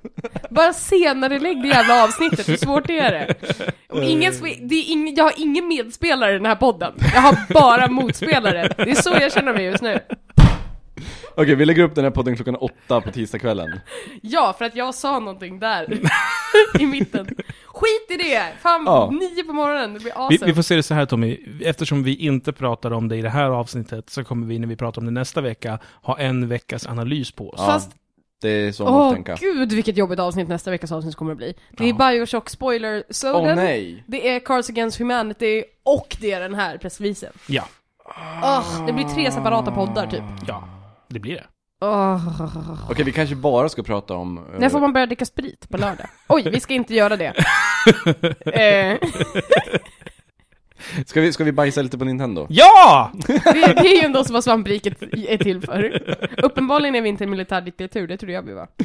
Eh, Nintendo har eh, bråkat lite grann med, med Let's Play eh, YouTube-användare. Nintendo har skjutit sig själva i foten igen. Ja, och jag vet inte riktigt varför de gör det, för de kan inte få så För jävla de mycket pengar fattar på det. inte. För de, de bara "Åh, Nej. vi skiter i det här med R-knappen, vem behöver den? Eh, Let's Play, vadå? Skulle, vi säljer ju de spelen. Skulle folk, nej, nej det här blir ju inte, nej. Ja, men det, det, är så, det är så jävla konstigt, för att de har inte gjort det tidigare. Ska vi förklara, ska vi förklara vad det här är? Ja just det, de har eh, kontaktat, eh, de har skickat iväg så här content ID match som det kallas. Ja. Eh, det är inte copyright claim direkt, eh, det är inte det att klippen tas ner. Eh, utan det är bara det att Nintendo får smälla dit en ad i början av klippet. Mm. Eh, en ad om Nintendo-produkter till och med, verkar det som. Jag Alltså, förstått det rätt. för att summera, om, om jag spelar in när jag spelar ett Nintendo-spel och sen lägger upp det på YouTube, Mm. så kommer YouTube säga vänta, det här contentet ägs av Nintendo, alltså får Nintendo reklamintäkter nu. Ja, Men det är som liksom jag inte en förstod... liten banner, utan det är en pre-roll. Ja, det, Ja. Kan, det kan vara både och. Det, och som jag förstod det får Nintendo välja vad det ska vara för reklam också. Ja, framförallt så går inga reklamintäkter till mig. Nej. Inte för att jag tjänar på det, men jag tänker på till exempel Game Grumps. Och jag undrar om... Vi, vi på Svampriket, vi eh, tjänar ju inga intäkter på YouTube. Nej, Men vad ha- jag undrar nu är om Nintendo kan kolla på till exempel min recension av Super Mario 3D Land. Eh, och sen kan, om de kan klistra en ad på den fast vi har inställt att inte visa ads på den. Jag tror de kan det. Jag tror de kan det, men du kan bestrida det genom att säga nej, eh, det är inte content infringement för att det här är en recension. Det tror jag du kan göra. Det är så, alltså jag har varit med om det där förut, jag har hamnat i gräl med, med folk på YouTube. Eller så, på YouTube, inte människor som sitter på sajten utan som jobbar på företaget. Mm. Det var så här, det här är inte... Eh, Men är inte det då de plockar ner saker på grund av copyright infringement? nej, de plockar inte, men de sätter upp en varning till mig Mm. om att så här, hörru, eh, vi har fått det här. Liksom, då är det någon sån här auto som har... Mm. De har ju Det, det är så jävla dumt med det automatiska. Ja men de måste ha någonting för att det är så mycket som laddas upp. Hur som helst, för att då bestrider jag det genom att säga så här: nej det där är inte eh, infringement, jag har rätt att använda klippet för jag använder det under lagliga, liksom, lagliga nivåer. Och eh, innehållet är inte klippet, innehållet är vad jag säger om klippet. Det är det som är liksom innehållet, Precis, eftersom det här är en recension. Precis, när det är recensioner så kan man ju, men om vi tar till exempel Svamprikets Quick Tits eh, Där är det ju väldigt mycket typ visa upp spelet och vi pratar ju inte så jävla mycket om spelet egentligen Mm. så, Men där har vi ju skriftlig tillåtelse från eh, utgivarna, ägarna av det materialet att visa upp det Ja. Så det, jag tycker det här krånglar till det onödigt mycket faktiskt. Och det brukar vara som så att det bara var så här långa klipp, så här Let's Play-klipp, som råkade ut för det här. Eh, Men nu har så här små YouTube-kanaler med klipp under 10 minuter också råkat ut för det här. Är det någon som har sett vad youtuberna tycker? YouTuberna tycker inte om det här. Mm. Man de, de, namnkunniga tänkte jag. Mm.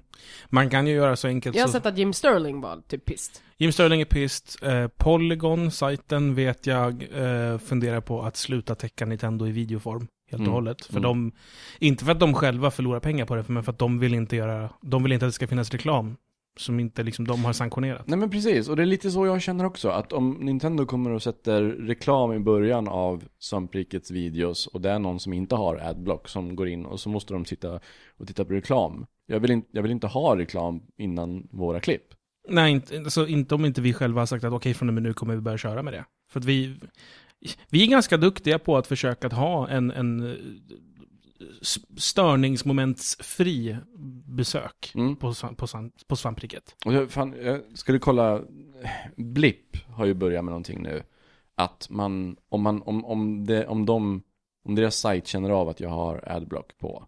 Så säger de, ja nu har du en timer här som tickar ner från eh, 90 minuter. Eller vad säger jag, 90 sekunder. Ja, tänkte det.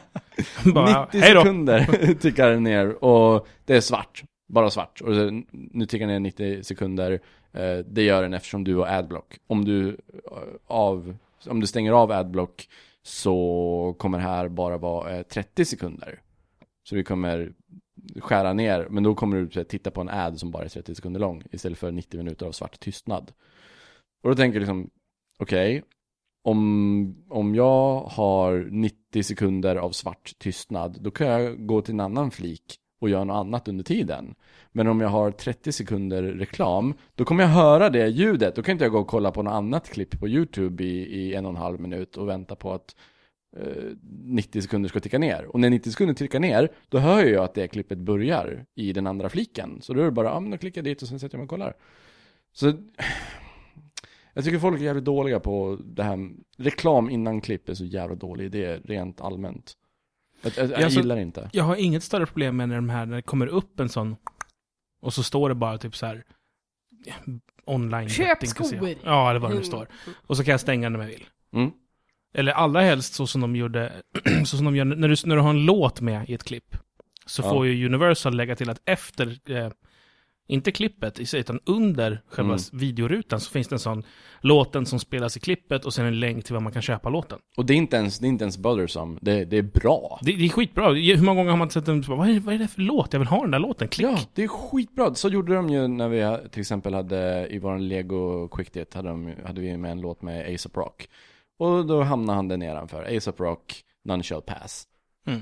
Skitbra. Det är perfekt. Det, det är Så inte, ska det vara. ja, så ska det vara. Det ska vara så här, någonting som vi har nytta av. Mm. Inte bara någonting som vi måste sitta och titta på mot vår vilja innan vi kan kolla på klippet. Men Nintendo känns det som, om vi ska tillbaka till den delen och in lite mer personligt på vad vi tycker om ads. Så det, det här är ju, det känns ju som ett extremt miss från deras sida. Specifikt eftersom att youtubare ofta nu är större än spelsajter. Mm. Ja, och jag, jag tänker så här att undrar om Nintendo gör det här, inte så mycket för pengarna utan mer för att få ut reklam för sina produkter. Det är det jag De tror gör det också. för att de ska kunna placera den reklamen de vill ha. Så då, de sätter någon Wii U-reklam i början av klippet helt enkelt. Men kan de inte bara kontakta YouTube och säga vi vill ha vår reklam på er? Och då kostar det. Ja, men det gör ju det här också. Jag tänker också att det, de får ju specifikt riktad reklam här. Det är folk som redan är intresserade av, är du intresserad av att titta på en Let's Play av en Nintendo-produkt så är du förmodligen intresserad av att införskaffa sagda Nintendo-produkt. Jo, men det där går ju att Så betala för i vanliga fall.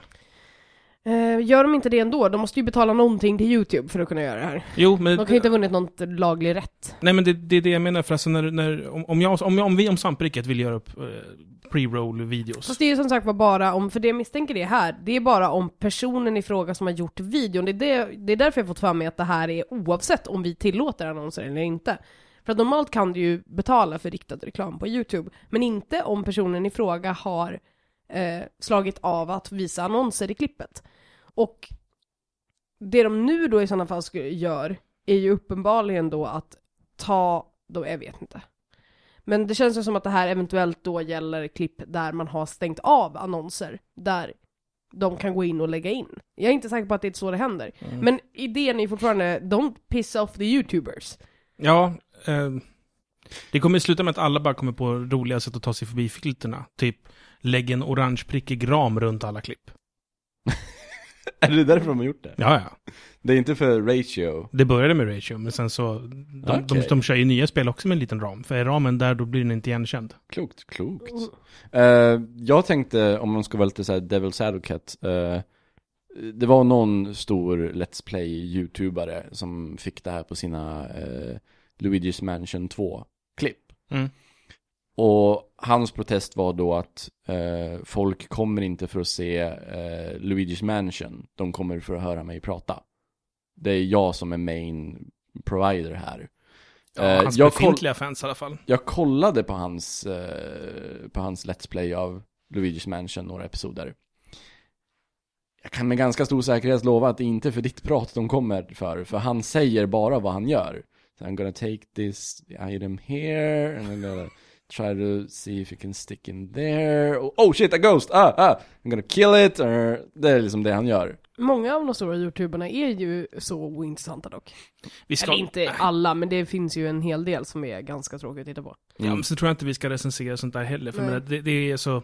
Ja, visst, fine, det finns ett argument för att det, de inte alls kommer få honom. Men nog, självklart har den där snubben fans som är där, som följer honom. För att det finns ju tusen till som gör exakt samma sak som han gör, och är han stor så är han, de ju förmodligen där för honom, och det skulle jag ju misstänka är hans argumentation. Fast också. just grejen med honom är ju att, för det första, han har ju en, på något sätt kommit över en mojäng som gör så han kan spela in direkt från en eh, 3DS.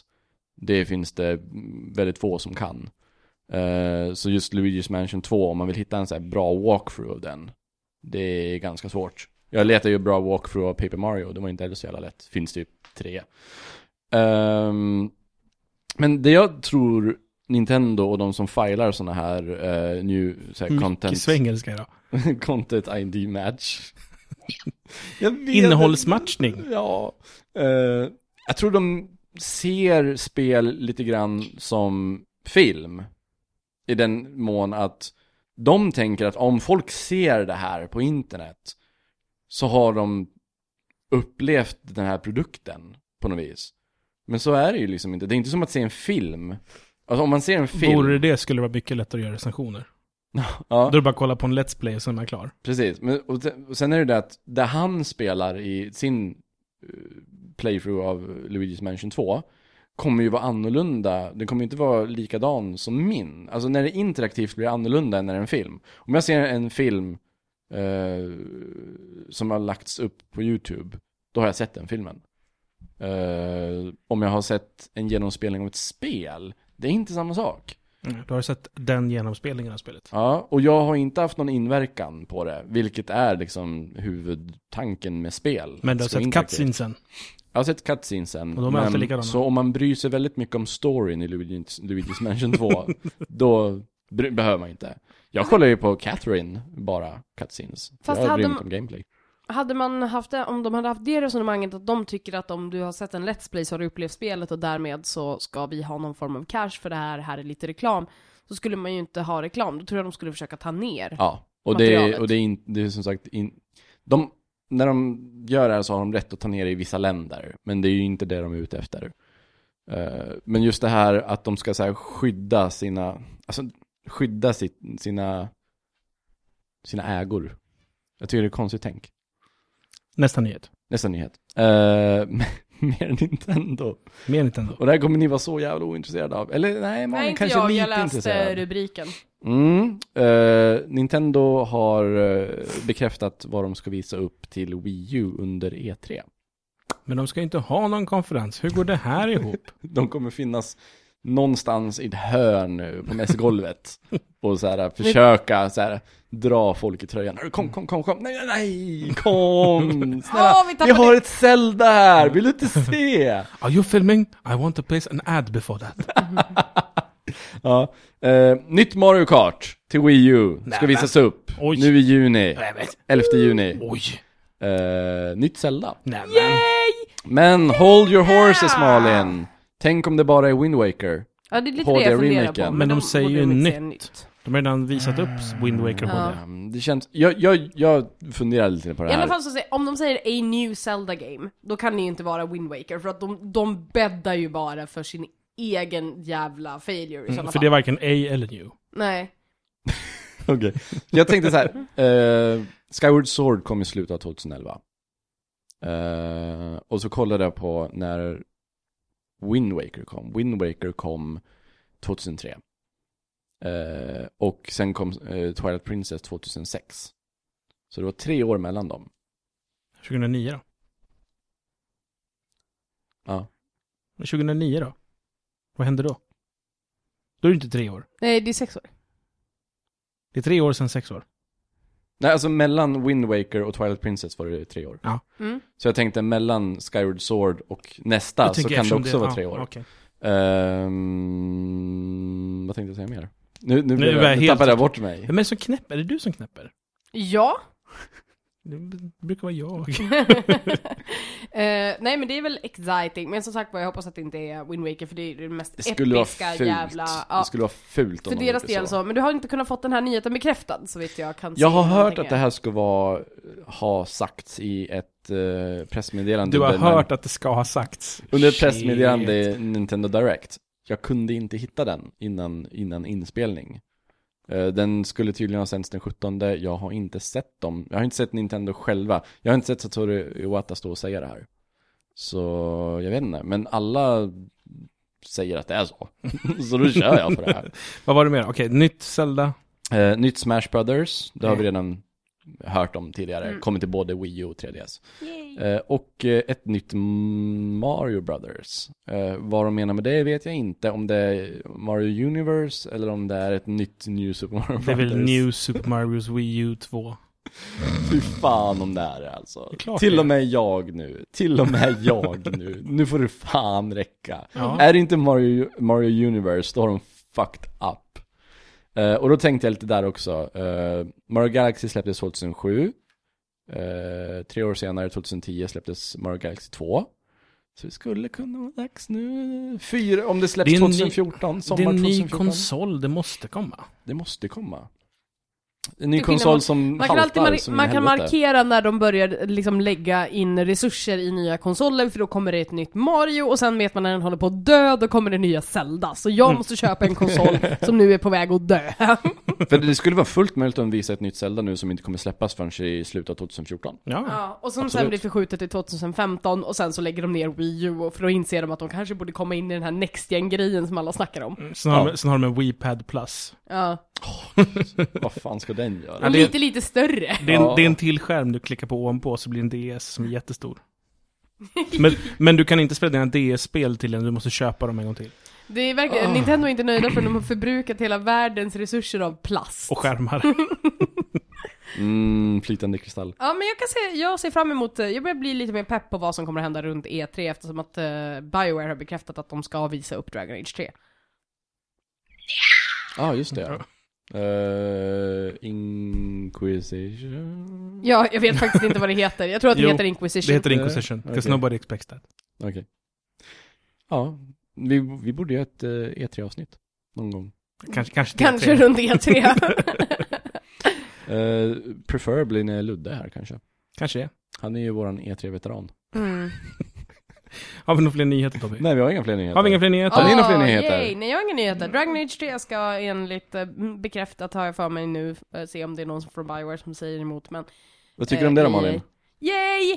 Åh, jag väntar så jävla länge på att se någonting från det här spelet nu. Jag behöver någonting annat, alltså jag behöver något annat att fokusera min attention på än hur då, hur mycket Steven Moffat håller på att ha ihjäl Doctor Who. Jag behöver ett nytt fandom som jag kan, bara, kan gå tillbaka till och bara ja, Dragon Age här är ett bra och mysigt. Och krama en, krama en alv. Jag gillar, att, jag gillar att du gjorde en krafsrörelse Ja, där. Du jag- krafsar i sanden. Krafsa komma- åt dig allt Dragon Ja, Age. kom, kom hit all Dragon Age, jag behöver eh, alla mina fandoms. Eh, Okej, nej det är mestadels, fan vad jag, Steven, stop it! Vi kan prata om det sen. Ah! I bonusen Jag har kanske. inte sett sista avsnittet, Inte jag heller. det ska vara inte bra. Nej, jag har sett allting fram dit. Ja, det är inte bra. Okej, never mind. Ja. vi kör lite lyssnarbrev. Veckans första brev kommer från Sage. Igen, Sage skriver varje vecka till oss. Ja. Det tycker vi om. Eh, kommer det komma några avsnitt under sommaren? Frågar Sage. Något. Va? Något. Vi får väl se om det blir en sommar först. Eh, Svamppodd kommer rulla på som vanligt under sommaren. Eh, det kommer finnas till veckor där det inte kommer någonting, men då säger vi till i så fall att så här, Åh, nästa vecka så kommer det inget, för då är jag i Turkiet, eller vad det nu är som händer. ja. Ja, Jag drog till med något, jag ska inte ens åka det dit. kan man vara. Men det blir väldigt varmt på sommaren. Men vi kommer köra Svamppodd som vanligt varje tisdag, eh, så länge vädret tillåter. Jag inte. Eh, vi säger till när det inte är. Vi kommer eventuellt göra någon typ av litet uppehåll eh, mot slutet av sommaren. För att komma tillbaka i någon slags säsong två. Just det, vi lär ju ha en säsongsbrott så att vi kan säga att vi är inne på säsong tre. I alla fall så blir det bara världens längsta säsong två som bara löper forever. Vi är på and säsong ever ett fortfarande. Vi är på säsong ett? Ja, vi hade en höst och en vår. Med. Brutna säsonger, sånt hatar jag. Bland annat har Steven Moffat gjort det mot Dr. Who. Ja, fortsätt då med lyssnarbrevet. Ja, nu vet du hur det ligger till Sage. Eh, Heslin skriver så här. Jag har en fråga angående Dragon Age. Malin spetsar öronen. Måste man spela Origin innan tvåan? Jag har precis köpt tvåan. Absolut inte. Det är snarare en fördel att inte ha spelat Origins, för då, vet du, då har du inga förväntningar på vad du tror att spelet är. Ehm, Origins och Dragon Age 2 är två helt separata, väldigt olika spel. Det som är är att det finns återkommande kar- karaktärer som, typ, jag tror inte att det är lika kul att träffa på Severan om du inte vet vem Severan är. Men det spelar ingen roll, det är liksom en helt ny, nästintill helt ny uppsättning av karaktärer, referenserna tillbaka till Dragon Age eh, Origins är ganska få. Ehm, det finns en övergripande story som involverar en The Witch of the Woods. Räcker, Men- det, förlåt, räcker det med att kanske läsa en recap? Du behöver inte ens göra det. Alltså grejen är bara, du kom, när du har spelat Dragon Age 2, vi får se när det är Dragon Age 3 om det kommer vara så att båda spelen liksom sluts upp i någon stor conclusion. Men så här, eh, Dragon Age 2 är teoretiskt sett helt fristående från Dragon Age Det- det- Origins och Awakening. Det är väl lite det att man kanske har lite mer kött på benen när det kommer till typ Templars och sånt där. Det är ju mycket, men de förklarar ju igen hur Circles Mm. fungerar och sen så är det ju för att eftersom att det här är ett annat land, Kirkwall och Ferelden är två olika länder, så fungerar ju även statsskiktet annorlunda. Så cirkeln exempelvis i, även om du har fått en grundläggande grej hur cirkeln och Templars fungerar i eh, Origins så är det ju en helt annan politisk situation i Kirkwall. Som, man får ju det återförklarat igen men eh, Så jag tror inte att det behövs. Om man känner sig förvirrad, liksom Förstår du inte riktigt vad relationen mellan Templars och Mages är i The Circle så bara gå in på Mass Effect Wiki och googla The Circle. Eller mejla malin.svampriket.se och fråga. ja, nej. Ehm, så det behöver man inte göra alls. Kom ihåg att det är en relations... eh, mer relationsbyggande grej än ett, e- ett långt episkt äventyr i grottor. För att det finns bara två. Skitbra är det! Ja. Ligg med alla. Nej, gör inte det för vissa av dem blir jätteledsna. Hässlin skriver också, det här är till mig. Jag vill bara meddela Samson att jag nu backtrackar Retroresan och håller på i skrivande stund att lyssna på James Pond-avsnittet. Där du säger, ja, om det nu är 2013 och du backtrackar så, punkt, punkt, punkt. Jag känner mig ganska så träffad. Ja, varsågod. Tyckte jag var kul. Det är ju grejen med det tror jag, så man kan ju fan backtracka det. Ja, det är lite gjort så. Det kan man inte med Svamppodd eller? Det, det blir inte lika roligt. Det blir som att läsa en jättegammal speltidning. Ja, eller hur? Det kan ju vara kul det också, men jättegammal. I höstas började vi. jo, jo, men om man backtrackar oss om tio år. ja, det är sant. Det är sant. Men då, men då är det nog någon slags så här, kulturarvssyfte. Mm. kanske. Drazg, tror jag man ska säga. D-R-A-Z-J-K. Drazg. Dansk. Drazg. Och danskt. Ja, i alla fall. Kör! Ville bara påpeka, Lovecraft som vi pratade om Mm. förut. Lovecrafts verk är inte copyrightade sedan länge. Så man använder enbart det som han kom på så är det fritt fram. Jaså, coolt. Det blir svårare om man försöker använda allt inom mytosen där han är långt ifrån ensam om att ha utvecklat den. Coolish. Schysst av vem det än är som sitter på hans rättigheter och inte vara pissiga med upphovsrätt. Han kanske inte lämnade efter sina arvingar. Men det, det går inte till någon annan. Det är ju förlag och skit som också har rättigheter. Okej, då kanske han har en arvinge som var så här: Fuck it, it's all free! Exakt. Han bara, det är inte så himla bra. Utveckla vidare. My, my family name will live on. Ja. Ah. Det är synd att vi inte har video med tanke på hur väldigt mycket jag uttrycker mig med gester. Var, var det Arvingen som var typ så här en, ett spöke som flög iväg där? ja, han, han är också död. Laservalpen. Spännande namn. Awesome. Coolt namn. Okej. Tänker att det är postapokalyps. Ni måste slåss mot någon slags fiende. Zombies, mutanter, aliens, whatevs.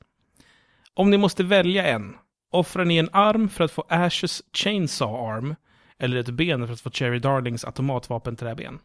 Postapokalyps, då ramlar ner kuvert överallt. Va? Aha, postapokalyps. Okej, nu går vi vidare till frågan. Gud vad... Be here all week. Göteborg. Åh, gud det är ont i mig för det var så tråkigt. Jag går nu, det här var... Malin, Ja. vill du kapa av dig din vänstra arm för att få dig istället en motorsåg? Eller vill du kapa av ditt ben för att istället få då en Kalashnikovs träben? Jag har ju så oerhört dåligt eh, balanssinne. så att stå upp och tro att jag kan stå upp och skjuta och klara den rekylen. Men jag tänker att du kan sätta dig ner på stjärten. Ja men det ser så himla töntigt ut. Jag sitter du nog- och håller i ditt ben bara.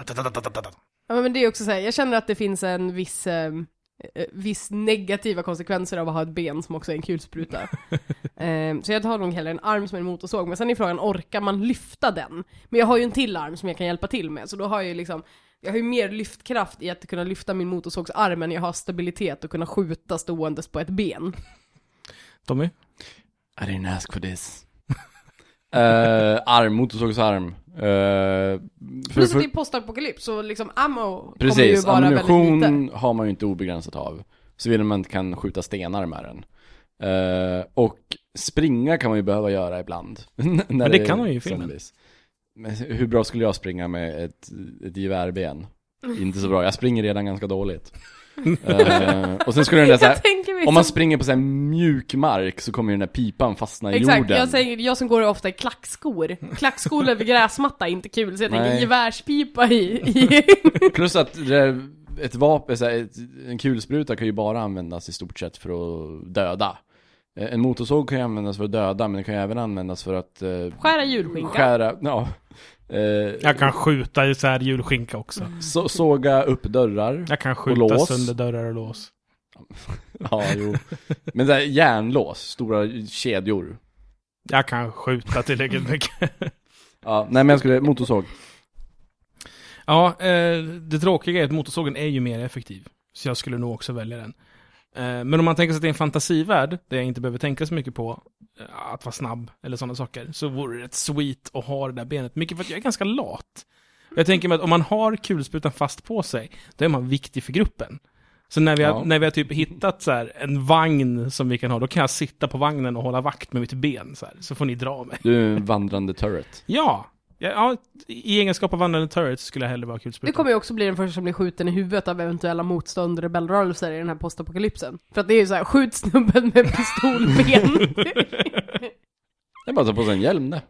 Man får sitta med inte hjälm i en kundvagn och sikta med benet. Fine. Ja, men att jag, alltså, jag, jag kan ju skjuta liggandes. Hur svårt är det att starta en motorsåg då? Måste man, är det så här man måste dra igång? Jag antar det. Okej, för det är ju ganska, för jag tänker mer så här. Hur sover man med en motorsågsarm? för att jag tänker utifall... Väldigt försiktigt. Man kommer ju typ göra illa sig som fan på det. Men det är, om man inte kan råka starta den så kan man ju typ inte råka såga isär sig själv. Men däremot så kommer man få en massa R, men det kan ju se coolt ut. Jag tror det är ens minsta bekymmer hur man ser ut. Jag tror att det är bra, men alltså, det det är det jag menar. Jag tror bara att det är bra att ha asmycket så här stora R i ansiktet. Typ tänk, tänk Edward Scissorhands om han hade haft en motorsågshand istället. Så här, så här breda R som man ser så här riktigt jävla, äh, liksom, worldly ut. Så om, om man möter, Don't fuck with me, kolla mina R. Och alla är Precis. så här, men Om man möter- om man möter ansiktet med din motorsåg. tre killar på gatan, sen när man så här går från något ställe som man har tagit medicin från eller sådär, så kommer ju de inte fucka med en för att sno medicinen. Nej, Utan de kommer säga, ja, jag ser det, det är redan folk som har fuckat med dig och du överlevde tydligen. Precis. Och de Jag så här- tänker att motorsågsarmen är tillräckligt avskräckande som det är. Faktiskt. Jag tänker att de tänker så här, ja men jag tror att det, jag tror att det bara kan vara bra. Jag tror kulsprutan kan ha en liknande reaktion. Plus att jag kommer få ha kjol på mig jämt. Det är också så här, få inga jeans passa, fan. Nej men jag kan gå runt med alla bara, "Åh, kolla på töntarnas kjol, så bara lyfter jag kjolen så bara, really? You wanna do this? Let's dance? baby." Gud vad det kommer finnas folk som tänder på det alltså. Åh, kan man få ligga så mycket? Ja. Jag har sambo, vad ska jag ligga så mycket för? Hon kanske är en zombie nu. Jag. Ja, fan. Ja. Ja. Det var i alla fall eh, Jag breven kan ju ligga med henne Mm. då så. Säger ingenting om zombies. Nu, nu, nu urartar det. Ja, jag ska prata mer om att ligga med zombies sen i bonuspodden. Bra. Och apropå det så är det faktiskt dags att runda av. För det var det sista nyhetsbrevet. Vad gör du Malin? Sluta pilla på den här. Tack. Du är inte min riktiga pappa.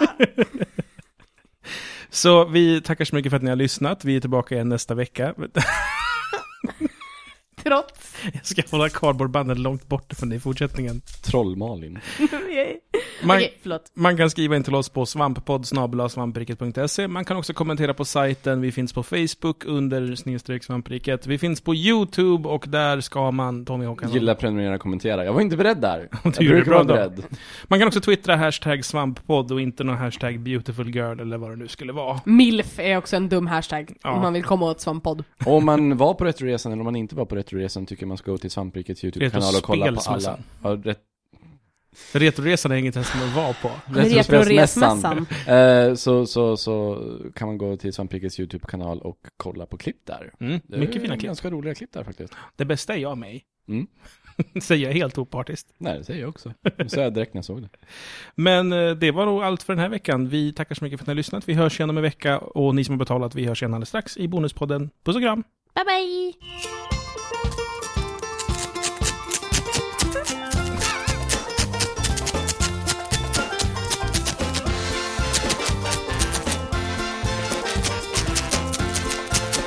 Jävla kardborreband! Jag ska bara prata genom kardborreband nu. Jag ska göra med morsekod med kardborreband.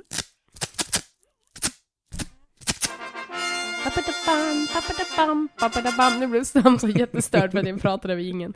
Jag blir inte alls störd. Jag bara tänker att det är jobbigt, man måste klippa.